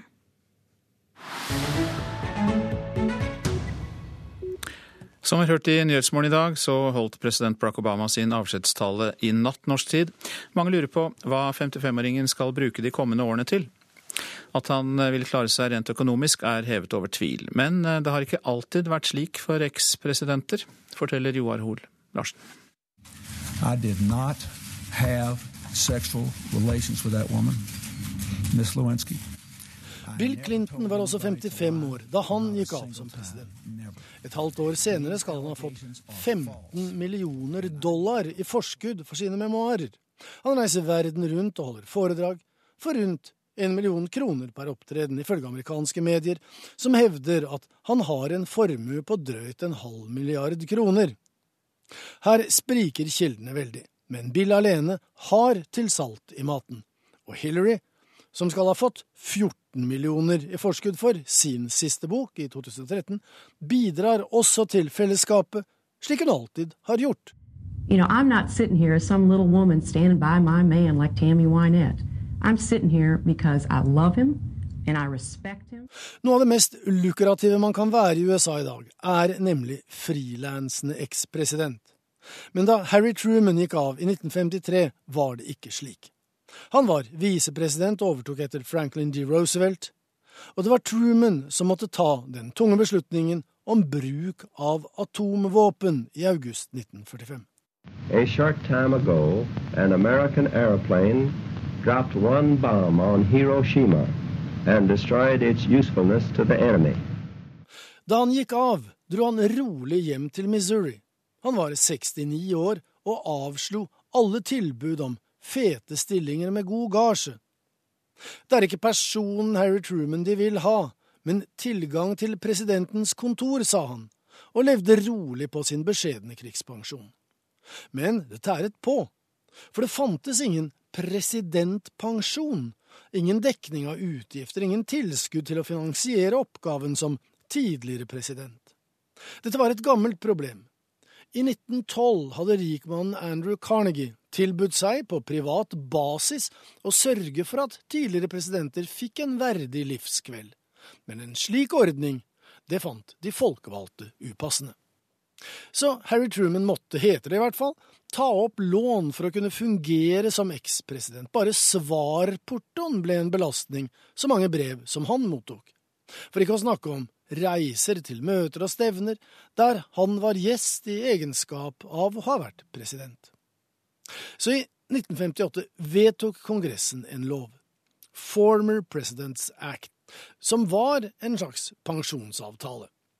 Presidentpensjonen skal være det samme som lønnen til et amerikansk regjeringsmedlem, nå for tiden drøyt 200 000 dollar, eller i overkant av halvannen million kroner per år. Ikke all verden, men det er også en liten minstepensjon til First Ladies, samt et budsjett for kontorhold og livvakter med mer. Med Obama, fra slutten av neste uke, er det fem ekspresidenter. De fire andre er to stykker George Bush, Bill Clinton og Jimmy Carter. Sistnevnte har mottatt ytelser som ekspresident i 36 år, og har som sådan vært en dyr mann. Og det er det mange som reagerer på. Både Bill Clinton og George Bush mottar totalt sett rundt én million dollar per år. Men hvorfor skal skattebetalerne subsidiere folk som tjener mer enn det tidobbelte på nettopp det å ha vært president, spørres det. Og én mann kan komme til å besvare sitt eget spørsmål. What the hell is going on? Ja, Du lytter til Nyhetsmorgen, og dette er hovedsaker. Russland sitter på sensitiv informasjon om Donald Trump som de kan bruke til å legge press på ham, mener USAs øverste etterretningsledelse. Flere områder langs kysten av Øst-Finnmark er fortsatt uten telefon- og internettforbindelse. Minst 3500 personer er berørt. Brudd på en hovedfiberkabel er årsaken, ifølge politiet. I retten i dag skal Eirik Jensen forklare seg om forholdet til Gjermund Cappelen. Det er eh, forholdet mellom disse to som er kjernen i saken. Og i nytt eh, partiprogram garanterer Høyre å trappe opp innsatsen mot arbeidslivskriminalitet og sosial dumping. Torbjørn Røe Isaksen, som leder eh, programkomiteen, innrømmer at regjeringen ikke har gjort nok. Så er det Politisk eh, kvarter, og Bjørn Myklebust er programleder der.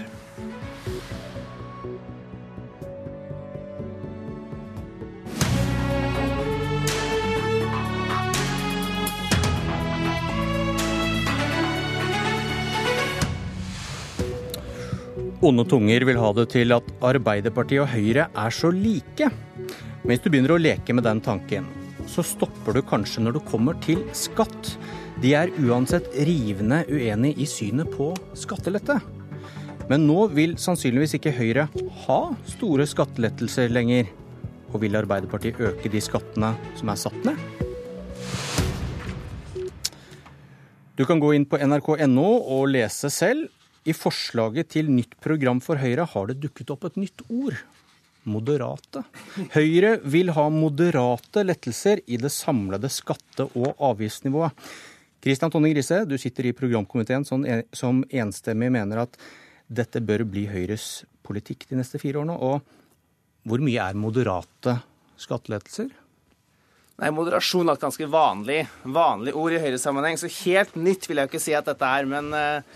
Det bærer jo preg av det programmet vårt at vi ser at eh, vi både i neste periode og også fremover i tiden får et mye mindre handlingsrom. Når regjeringen gitt eh, ca. 25 milliarder i skattelette den perioden her, så legger vi opp til at vi skal ha skattelette neste periode også. Men, eh, men, det blir nok et på et mer moderat nivå. Hvis ikke jeg får viljen min, da. Jeg har jo foreslått at vi skal gå til valg på noen flere skatteletter enn det programmet legger opp til.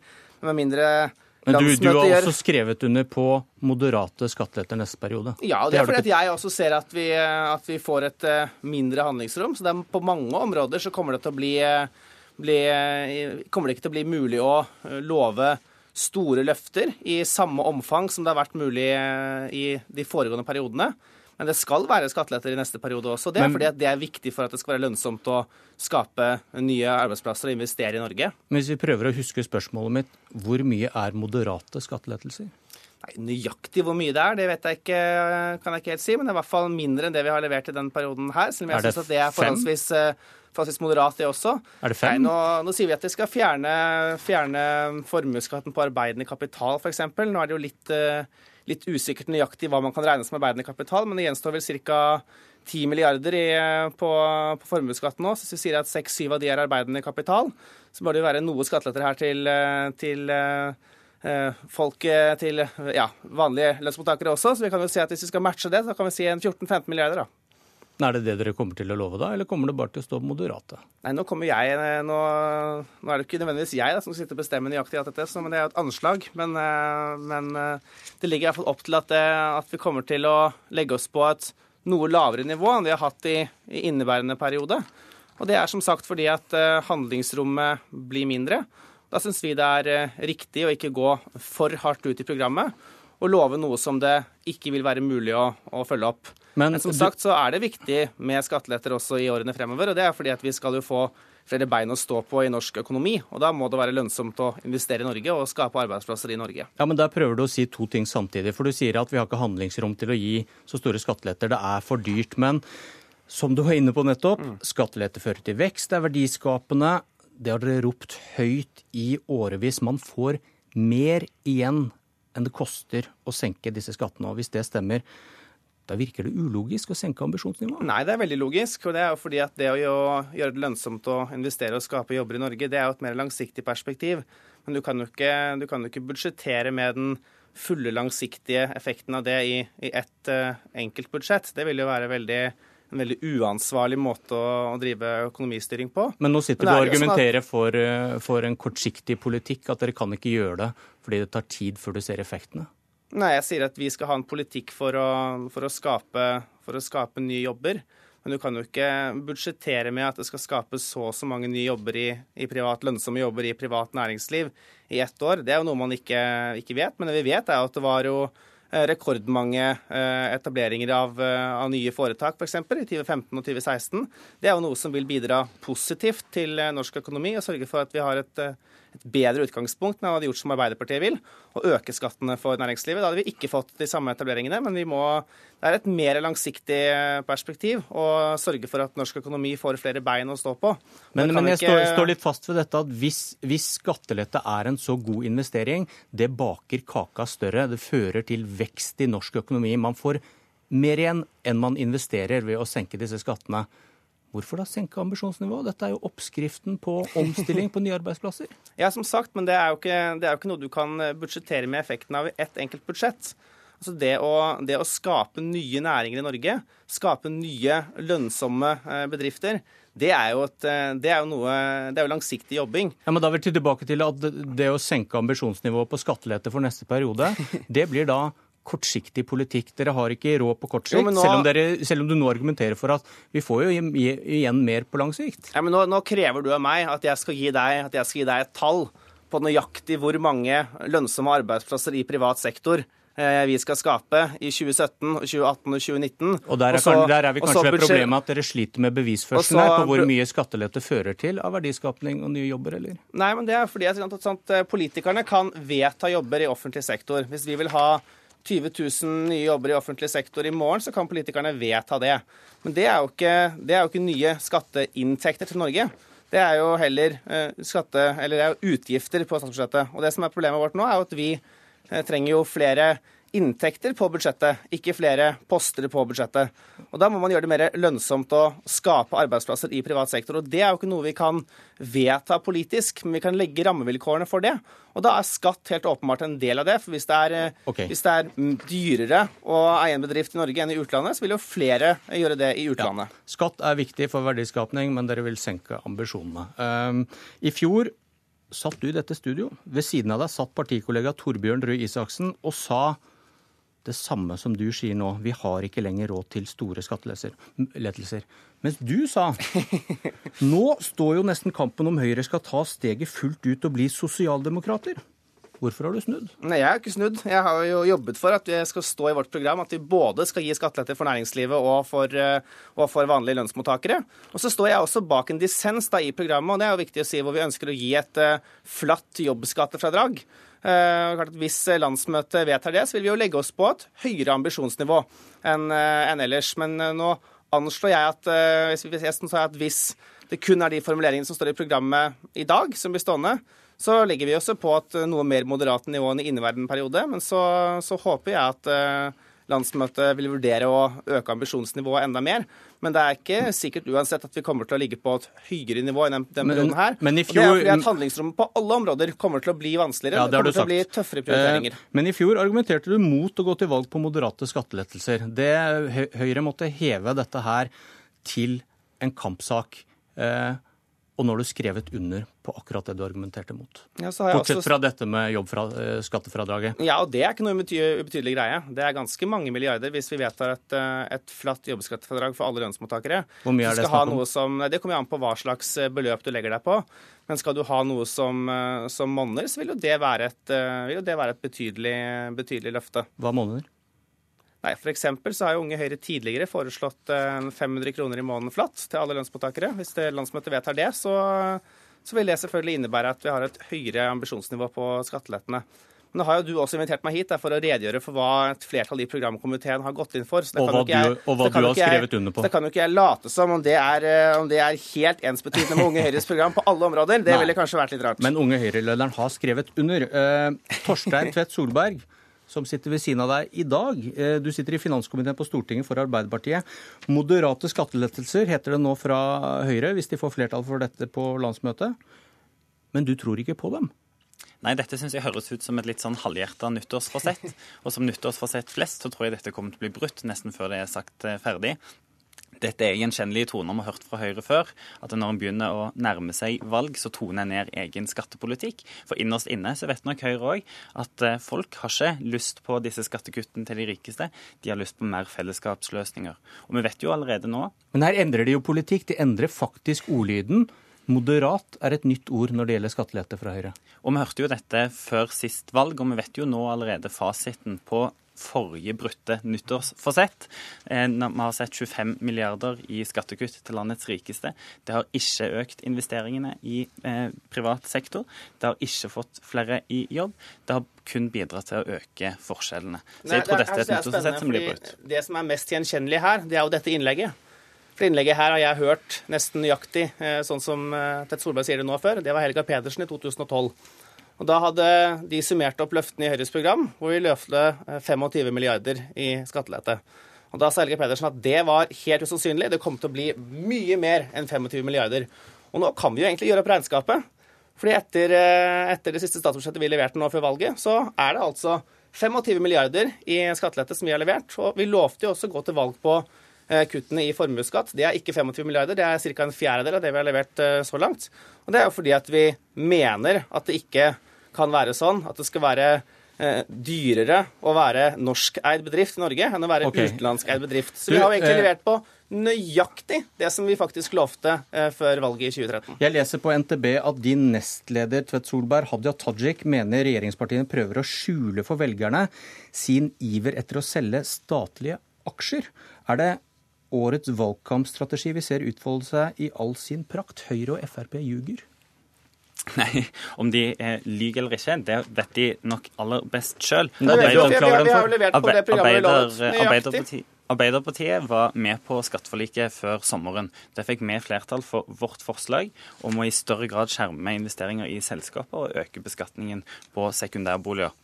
Det er vi veldig fornøyd med. Så er ikke vi kommet like langt som Høyre i vår programprosess. De svarene skal velgerne få i god tid før, før, eh, før, valget. Det som vi kommer til å være opptatt av, som er den gjenkjennelige arbeiderpartiske skattepolitikken, er et større og bedre spleiselag. Ok, men da, da, Tvedt Solberg, siden du åpner den døra, da.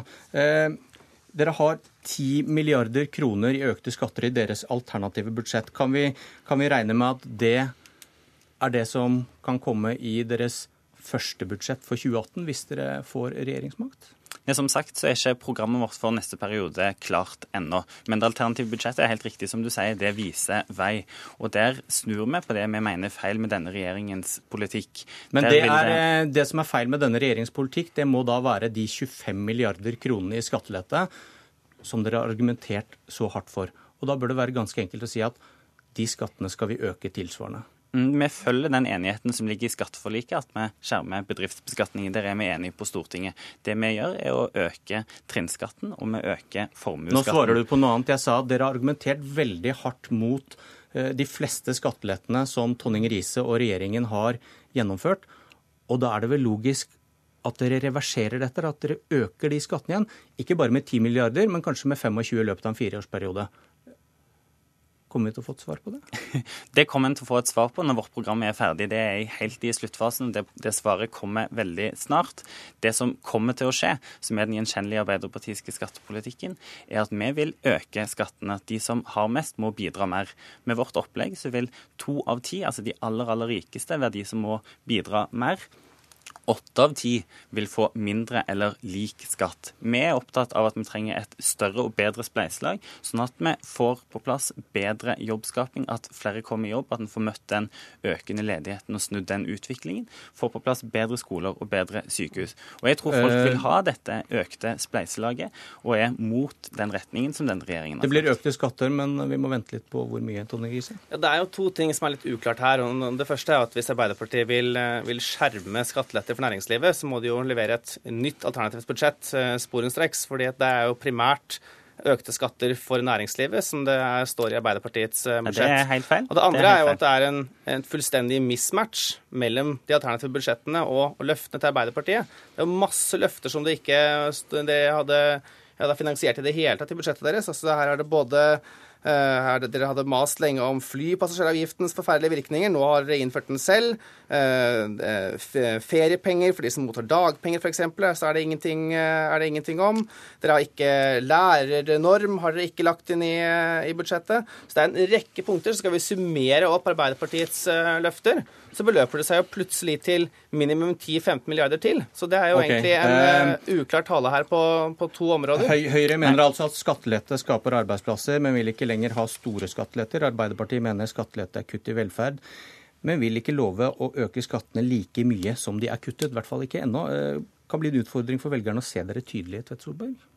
Nei, vi, vi, mener det er viktig nå å ta ansvar for norsk økonomi. Og det siste norsk økonomi trenger, er mer høyrepolitikk. En har med høyrestyret knust sparegrisen. Fortsett med den oljepengebruken som Spørsmålet Høyre har hatt. Spørsmålet var om velgerne ser, ser litt sånn uh nyanser av grått her?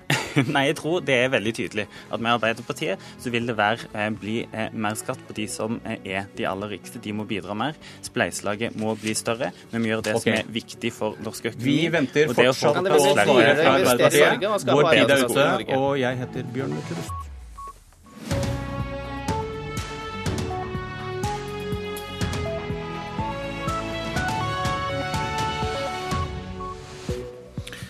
Nyhetsmorgen fortsetter med disse sakene. Vi skal ha kommentarer til at Russland skal ha sensitiv informasjon om Donald Trump som de kan bruke til å legge press på ham, dette ifølge USAs øverste etterretningsledelse. Medlemmer av B-gjengen i Oslos underverden skal ha visst om at den tidligere politimannen Eirik Jensen ble etterforsket i hemmelighet, skriver VG. Og Høyre vil ikke love store skattelettelser de neste fire årene. Ja, det er CNN og flere andre medier i USA som melder at Russland har informasjon som kan brukes mot USAs påtroppende president Donald Trump. USAs etterretningssjefer skal ha informert Trump om påstandene i forrige uke.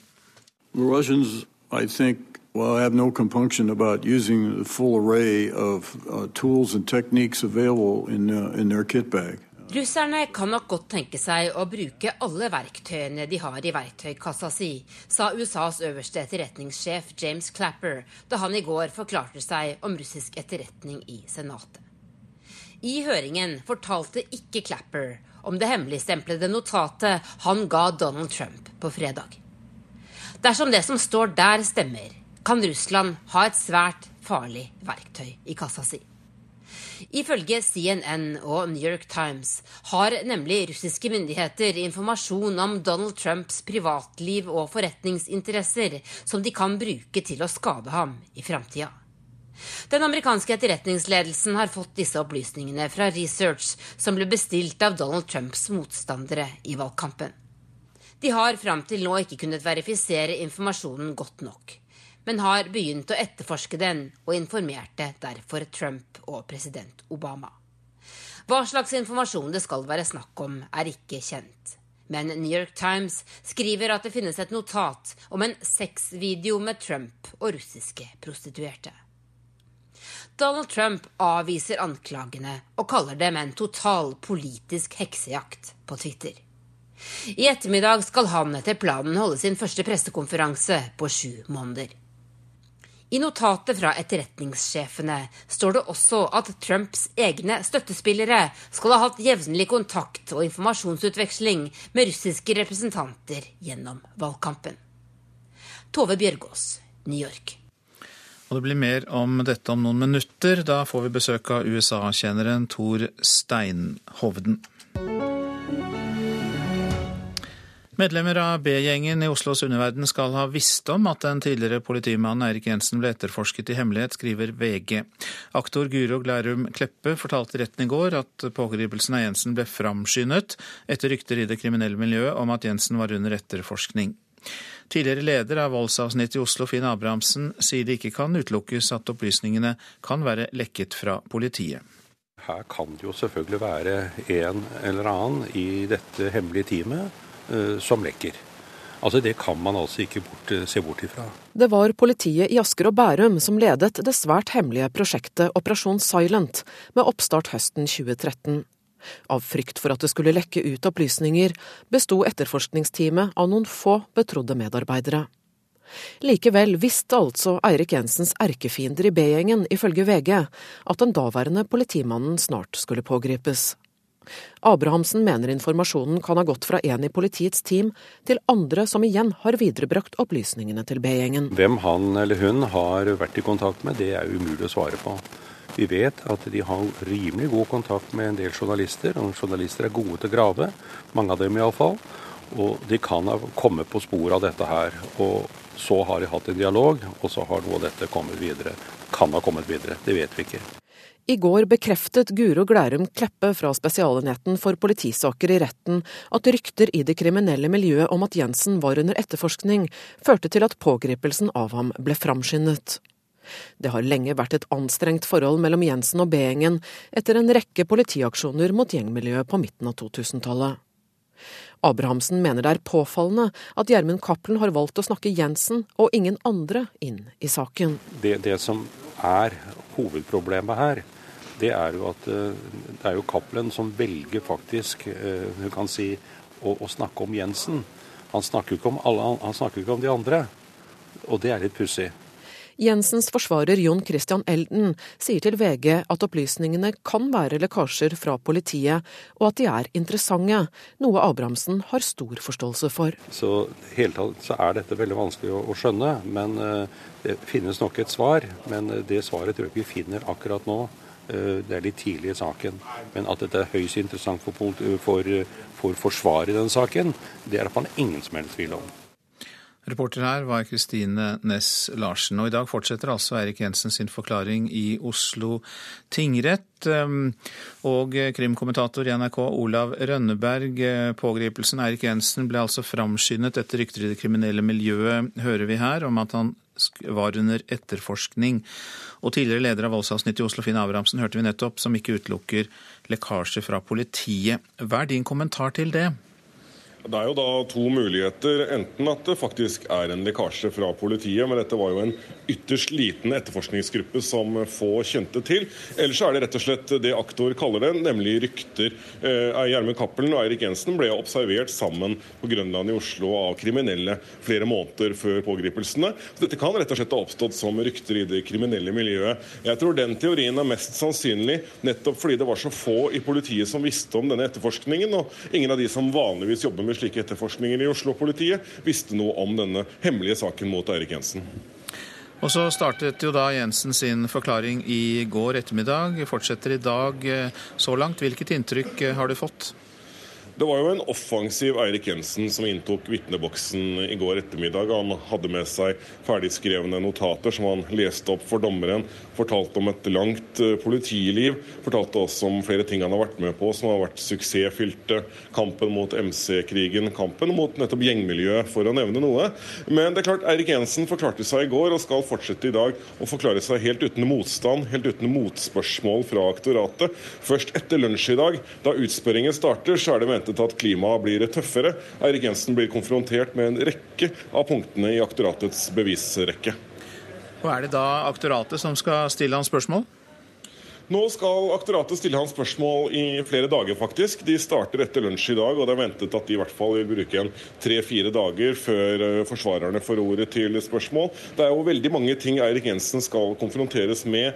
Både økonomien hans, disse tekstmeldingene som vi har hørt mye om i saken her, eh, og andre bevegelser og spaningsrapporter, for å nevne noe.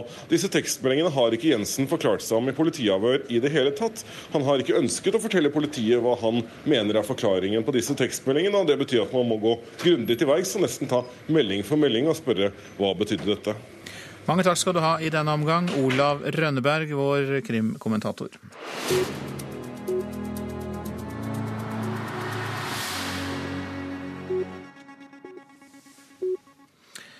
Alle detaljer om soningsforholdene til terrordømte Anders Behring Breivik skal fram i Borgarting lagmannsrett. Ankesaken pågår nå i midlertidige lokaler i Skien fengsel. I går fikk retten høre regjeringsadvokatens beskrivelse av en fange med bedre soningsforhold enn mange andre i norske fengsler. Regjeringsadvokat Fredrik Sejersted mener at dommen i tingretten var feil.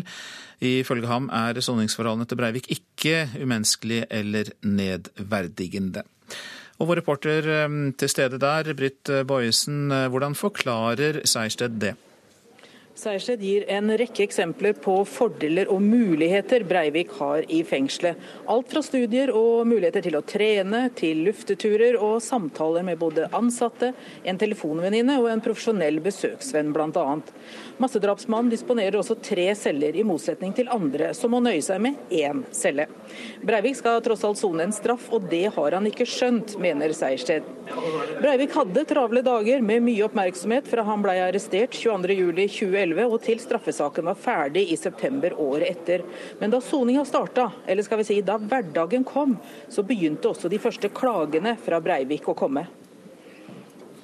Sejersted skal jo fortsette sin eh, innledning i dag. og Hvilke andre temaer er det ventet at han kommer innom? Eh, han skal bl.a. fortelle om all ressursbruken kriminalomsorgen har brukt på Breivik de siste fem og et halvt åra. Både ansatte i fengslene, helsepersonell og andre. Retten skal også få høre hva dette har kosta i kroner og øre. Og Sejersted skal også fortelle om kriminalomsorgens planer for den videre soninga av forvaringsdommen på 21 år. Og så er det vel slik at Breiviks advokat og Breivik selv skal komme med sine synspunkter etter hvert? Ja, det skal de. Og det er Anders Behring Breivik eh, som sjøl skal forklare seg for retten, men det skjer først i morgen. I ettermiddag skal hans advokat Øystein Storvik forklare hvorfor tingrettens dom var riktig. Soningsforholdene bryter med menneskerettighetene, mener han. Han peker bl.a. på at eh, Breivik ikke får kontakt med andre enn profesjonelle, dvs. Si folk som har betalt for å møte han, enten de er ansatt i fengselet eller den profesjonelle besøksvennen. Et interessant punkt som også kommer opp, er nok at eh, Storvik i den forbindelse peker på at Breivik er mentalt sårbar. Så langt i rettssaken så har jo Breivik vært hoderystende til deler av regjeringsadvokatens innlegg. Hvis han skal framstå som den ideologiske lederen for høyreekstreme, så matcher det dårlig med et stempel som mental sårbar. Da gjenstår det å se reaksjonene hans på det Storvik skal legge fram, og ikke minst høre dem i morgen. Det blir altså i morgen, og takk til deg, reporter Britt Boyesen ved Skien fengsel. Dette er Nyhetsmorgen, og klokka er 8.44 eh, straks. Vi har disse hovedsakene. Russland har sensitiv informasjon om Donald Trump som de kan bruke til å legge press på ham, mener USAs øverste etterretningsledelse. Vi skal straks kommentere det nærmere. Medlemmer av B-gjengen i Oslos underverden skal ha visst om at den tidligere politimannen Erik Jensen ble etterforsket i hemmelighet, skriver VG. Og Høyre vil ikke love store skattelettelser de neste fire årene. Vi skal også høre mer om det snart. Men først til Gambia. Det er et lite afrikansk land der presidenten nekter å akseptere valgresultatet. I dag skulle en delegasjon fra nabolandene med Nigerias president i spissen prøve å ordne opp. I går skulle Høyesterett behandle presidentens krav om omvalg, men så har ingenting av dette skjedd.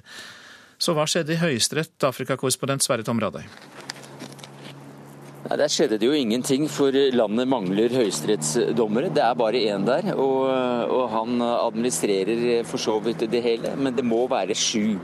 Eh, det skjer på den måten at de, de låner eller ansetter dommere fra nabolandene, eh, Nigeria og Sierra Leone. Men disse kan ikke komme og samles før i mai, sier da den ene dommeren som sitter i eh, Høyesterett akkurat nå. Slik at nå er det hele utsatt, antakelig til Eh, til mai. Men, men ryktet går om at kanskje kan det bli 16.1, eller man må vente helt til november. Det er i det hele tatt ganske vanskelig å få eksakt viten om hva som skjer inne i Gambia akkurat nå. Har presidenten fortsatt støtte? Eh, han fikk jo 39 av, av stemmene 1. mai, så noe støtte har han. I går så var det flere hundre mennesker som demonstrerte utenfor uh, Høyesterett for å støtte han. Hadde plakater der det sto at han, han burde være den evige presidenten etc. Men eh, det som nå skjer, er jo at flere og flere tør stå åpent fram og, og si at de ikke støtter han. Eh, det har man ikke turt i Gambia på, på, på ja, for lenge. Eh, slik at det er en, det er en ny uh, stolthet som reiser seg i befolkningen, ifølge rapporter vi får, om at nå tør folk stå fram. Uh, så forsvinner jo folk fra hans eget regime. Informasjonsministeren dro her om dagen til Senegal, uttalte at det aldri er for sent å gjøre noe riktig, og sa adjø. Lederen for valgkommisjonen har jo rømt for en ukes tid siden, så det er en del som, som ikke støtter han. Men det som nå eh, er, et rykte, er at presidenten på en måte kan gjøre et slags kupp ved at han får parlamentet med seg til å kunne regjere i noen måneder til. I tilfelle det, så er det frykt for at Senegal eh, går inn og, og, og, gjør noe militært her. Så dette kan bli veldig veldig stygt om veldig kort tid. For 19.1, neste torsdag, skal en ny president egentlig innsettes. Og Yahya Yameh, som han heter, han som eh, ikke vil eh, gå av, han er jo president i et eh, ganske lite og ubetydelig land. Men hvorfor er det da så mye oppmerksomhet rundt det som skjer der? Kan ikke da denne forvirringen bare pågå uten at omverdenen er så opptatt av det? Jo, det er det minste landet på det afrikanske kontinentet. Eh, og det ligger som en slags, eh, som en slags tarm eh, langs, langs, en elv inne i, i Senegal. Nei, dette, dette, dreier seg om demokratiutvikling på et kontinent som ikke er altfor alt bortskjemt med lykkelige og fredelige overganger fra et regime til et annet. Gambia f.eks. har aldri hatt en fredelig overgang mellom presidentskifter. og dette dette ses jo igjen, ethvert slikt valg ses på som en test på om Afrika som sådan er i stand til å gjennomføre demokratiske regimeskifter. Så man følger veldig godt med over hele kontinentet. Det var en kjempesuksess i Ghana eh, før jul, eh, også et land rett i nærheten. Eh, der tapte presidenten valget, gikk av frivillig. Nigeria det samme. slik at dette følges med argusøyne over hele kontinentet. Takk skal du ha, Afrikakorrespondent eh, Sverre Tom eh, Radøy. Som vi har hørt eh, tidligere på morgenen, russerne skal altså sitte på sensitiv informasjon om påtroppende president Donald Trump, både av personlig og økonomisk karakter. Det kom fram i hemmeligstemplede dokumenter USAs etterretningssjefer har presentert for både Barack Obama og Donald Trump, ifølge CNN. USA-kommentator Tor Steinhovden, god morgen til deg. God morgen. Du jobber for tankesmien Agenda. Eh, vet vi noe mer om hva slags informasjon det dreier seg om? Ja, Det CNN har eh, rapportert rundt, er et vedlegg basert på en større etterretningsrapport som er samla sammen av en tidligere britisk etterretningsoffiser, som nå da jobber som eh, innen privat sikkerhet, og har samla det her på vegne av Trumps politiske motstandere tidlig i valgkampen. Det som nå er nytt, ifølge CNN, er at amerikansk etterretning har ettergått de kildene her, og funnet at om det ikke er mer enn rykte, så er det iallfall sant nok til at man må se videre på det. Og de ønsket derfor å informere Trump og Obama forrige uke, før de eventuelt gikk i gang med den etterforskningen, slik at han var informert før det eh, lekka ut i eh, amerikansk presse. Hva spesifikt er det russerne har eh, gjort da, for å kunne ramme Trump eventuelt?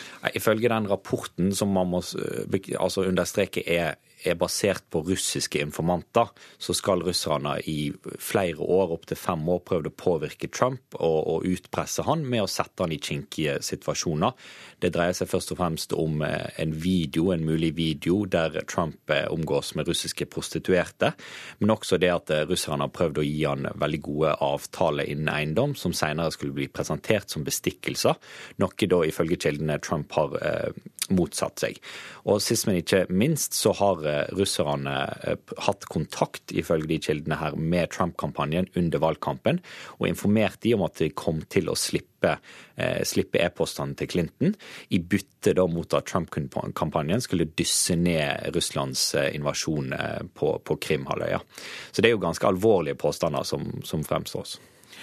Hvordan er reaksjonen etter dette? Det er jo ganske forutsigbare reaksjoner. Trump eh, gikk ut og tvitra at det her var fake news, mens hans rådgivere eh, og, og nyansatte i Det hvite hus, som Kellyanne Conway, som er en spesialrådgiver for han, sier at det her er, er rykte som, eh, som, rett og slett er rykte. Det er ikke bekrefta av noen. Og der har jo de for så vidt et veldig godt poeng. Det her er rykte, og det er viktig å presisere.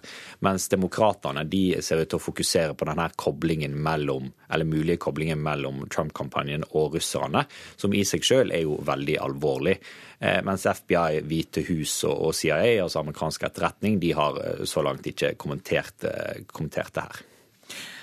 Der kan vel Trump ha et poeng, fordi etterretningsinformasjonen tidligere har jo vist seg å være rav ruskende gal. Vi kan jo tenke på det som ble offentliggjort før invasjonen av Irak?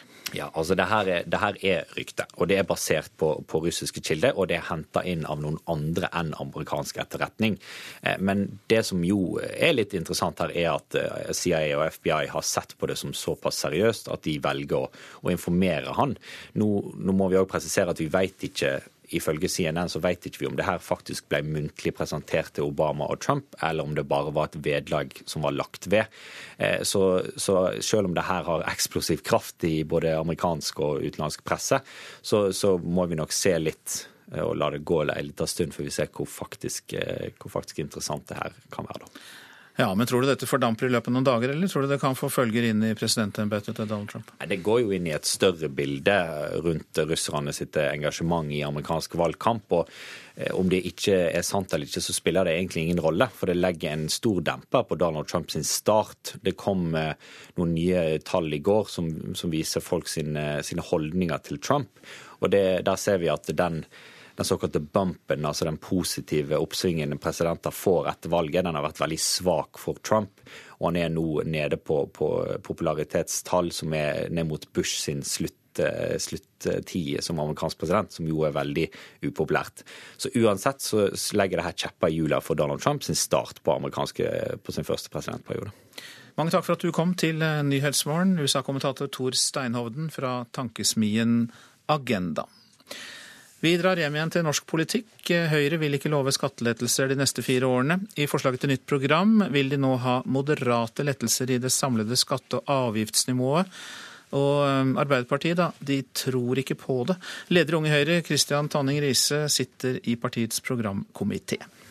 Nei, Moderasjon er et ganske vanlig, vanlig ord i Høyre-sammenheng, så helt nytt vil jeg ikke si at dette er. Men uh, det bærer jo preg av det programmet vårt at vi ser at uh, vi både i neste periode og også fremover i tiden får et mye mindre handlingsrom. Derfor foreslår Høyre moderate lettelser i det samlede skatte- og avgiftsnivået i sitt nye programforslag. Det til tross for at partiet i årevis har ropt høyt om at skattelette fører til vekst og er verdiskapende. Jeg sier at vi skal ha en politikk for å, for å, skape, for å skape nye jobber. Men du kan jo ikke budsjettere med at det skal skapes så og så mange nye jobber i, i privat, lønnsomme jobber i privat næringsliv i ett år. Det er jo noe man ikke, ikke vet. Men det vi vet, er at det var jo eh, rekordmange eh, etableringer av, eh, av nye foretak, f.eks. For i 2015 og 2016. Det er jo noe som vil bidra positivt til norsk økonomi og sørge for at vi har et, et bedre utgangspunkt enn hva de gjort som Arbeiderpartiet vil, å øke skattene for næringslivet. Da hadde vi ikke fått de samme etableringene, men vi må, det er et mer langsiktig perspektiv å sørge for at norsk økonomi får flere bein å stå på. Arbeiderpartiets Torstein Tvedt Solberg tror ikke på Høyre. Nei, dette syns jeg høres ut som et litt sånn halvhjerta nyttårsforsett. Og som nyttårsforsett flest, så tror jeg dette kommer til å bli brutt nesten før det er sagt eh, ferdig. Dette er gjenkjennelige toner vi har hørt fra Høyre før. At når en begynner å nærme seg valg, så toner en ned egen skattepolitikk. For innerst inne så vet nok Høyre òg at eh, folk har ikke lyst på disse skattekuttene til de rikeste. De har lyst på mer fellesskapsløsninger. Og vi hørte jo dette før sist valg, og vi vet jo nå allerede fasiten på forrige brutte nyttårsforsett. Eh, vi har sett 25 milliarder i skattekutt til landets rikeste. Det har ikke økt investeringene i eh, privat sektor. Det har ikke fått flere i jobb. Det har kun bidratt til å øke forskjellene. Til slutt der Arbeiderpartiets Torstein Tvedt Solberg, og reporter var Tanita Kveinå. Det har eh, så langt ikke vært noen alvorlige hendelser i området langs kysten av Øst-Finnmark som er uten telefon- og internettforbindelse i dag. Det sier politiet. Minst 3500 personer er berørt etter brudd i en fiberkabel. Dårlig vær har gjort reparasjonsarbeidet vanskelig, sier Karoline Lunde i Telenor. Vi har jo hatt mannskap som har jobba på spreng siden bruddet ble registrert natt til i går. Og vi har fått lokalisert bruddet i sjøkabelen. Men pga. været så måtte kabelbåten snu i går. Men vi skal gjøre et nytt forsøk i dag. Og vi gjør alt det vi kan for å få rettet feilen så fort som overhodet mulig. Og vi tar med at Matkjedene og næringsmiddelindustrien mener et lovforbud mot kasting av mat vil være lite målrettet. De vil heller ha en bransjeavtale. Et klart flertall på Stortinget har gått inn for å utrede og eventuelt foreslå et slikt forbud. Coops miljøsjef mener det har lite for seg, og påpeker overfor Finansavisen at det er dårlig bedriftsøkonomi å kaste mat. Så over til deg, statsmeteorolog Jan Smits, velkommen. Takk. Det er veldig mye vind og nedbør i sør? Ja da, det er det. Vinden er i ferd med å dreie nå på vest og nordvest i Rogaland. og Her blir mest vind. Den kan komme opp i en periode med liten og kanskje full storm på kysten i sør. og Den stormen kan også bre seg ned mot Lindesnes etter hvert. Ellers så blåser det godt ifra sør nå, da, inn over eh, opp mot Oslofjorden. Opp i en ja, sterk kuling i hvert fall enkelte plasser inn mot kysten. Det har vært oppe i liten storm så vidt der også. Og det er nedbør mange steder nå i Sør-Norge, særlig på Agder-området, da, Telemark og Østlandet.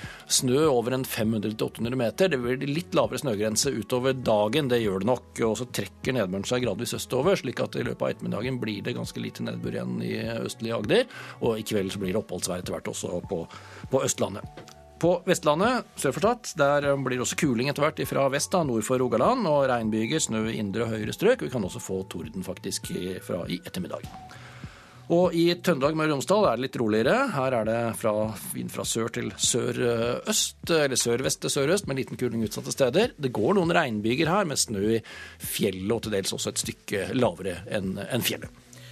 Ja, Det er mye vær å snakke om for folk i sør, åpenbart. Eh, men eh, slipper de noe lettere unna i nord, for en gangs skyld? Ja, det blir litt bedre der. Det blir bare liten kuling utsatte steder sør i Nordland, og litt sludd og snø i den sørligste delen av fylket. Noen regnbyger kanskje ytterst på kysten opp mot Lofoten, ellers oppholdsvær. Så er det snø akkurat nå i store deler av eh, Troms og Finnmark. Det beveger seg nordover dette området med snø, så gradvis blir det oppholdsvær da, først i Troms og sånn utover ja, i kveld fra sør i, i Finnmark. Det kan gå opp i liten kuling kanskje utsatte steder i Finnmark fra sør sørøst og senere sørvest. Spitsbergen, her er det oppholdsvær der folk bor, stort sett, men ute på kysten i vest, der går det enkelte snøbyger.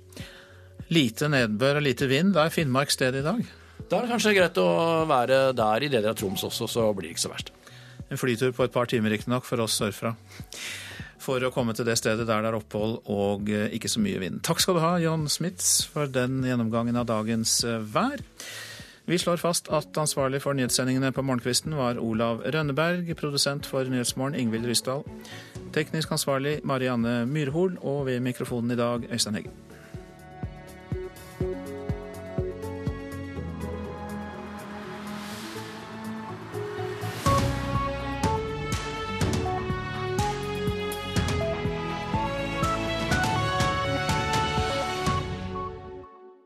Hør flere podkaster på nrk.no podkast.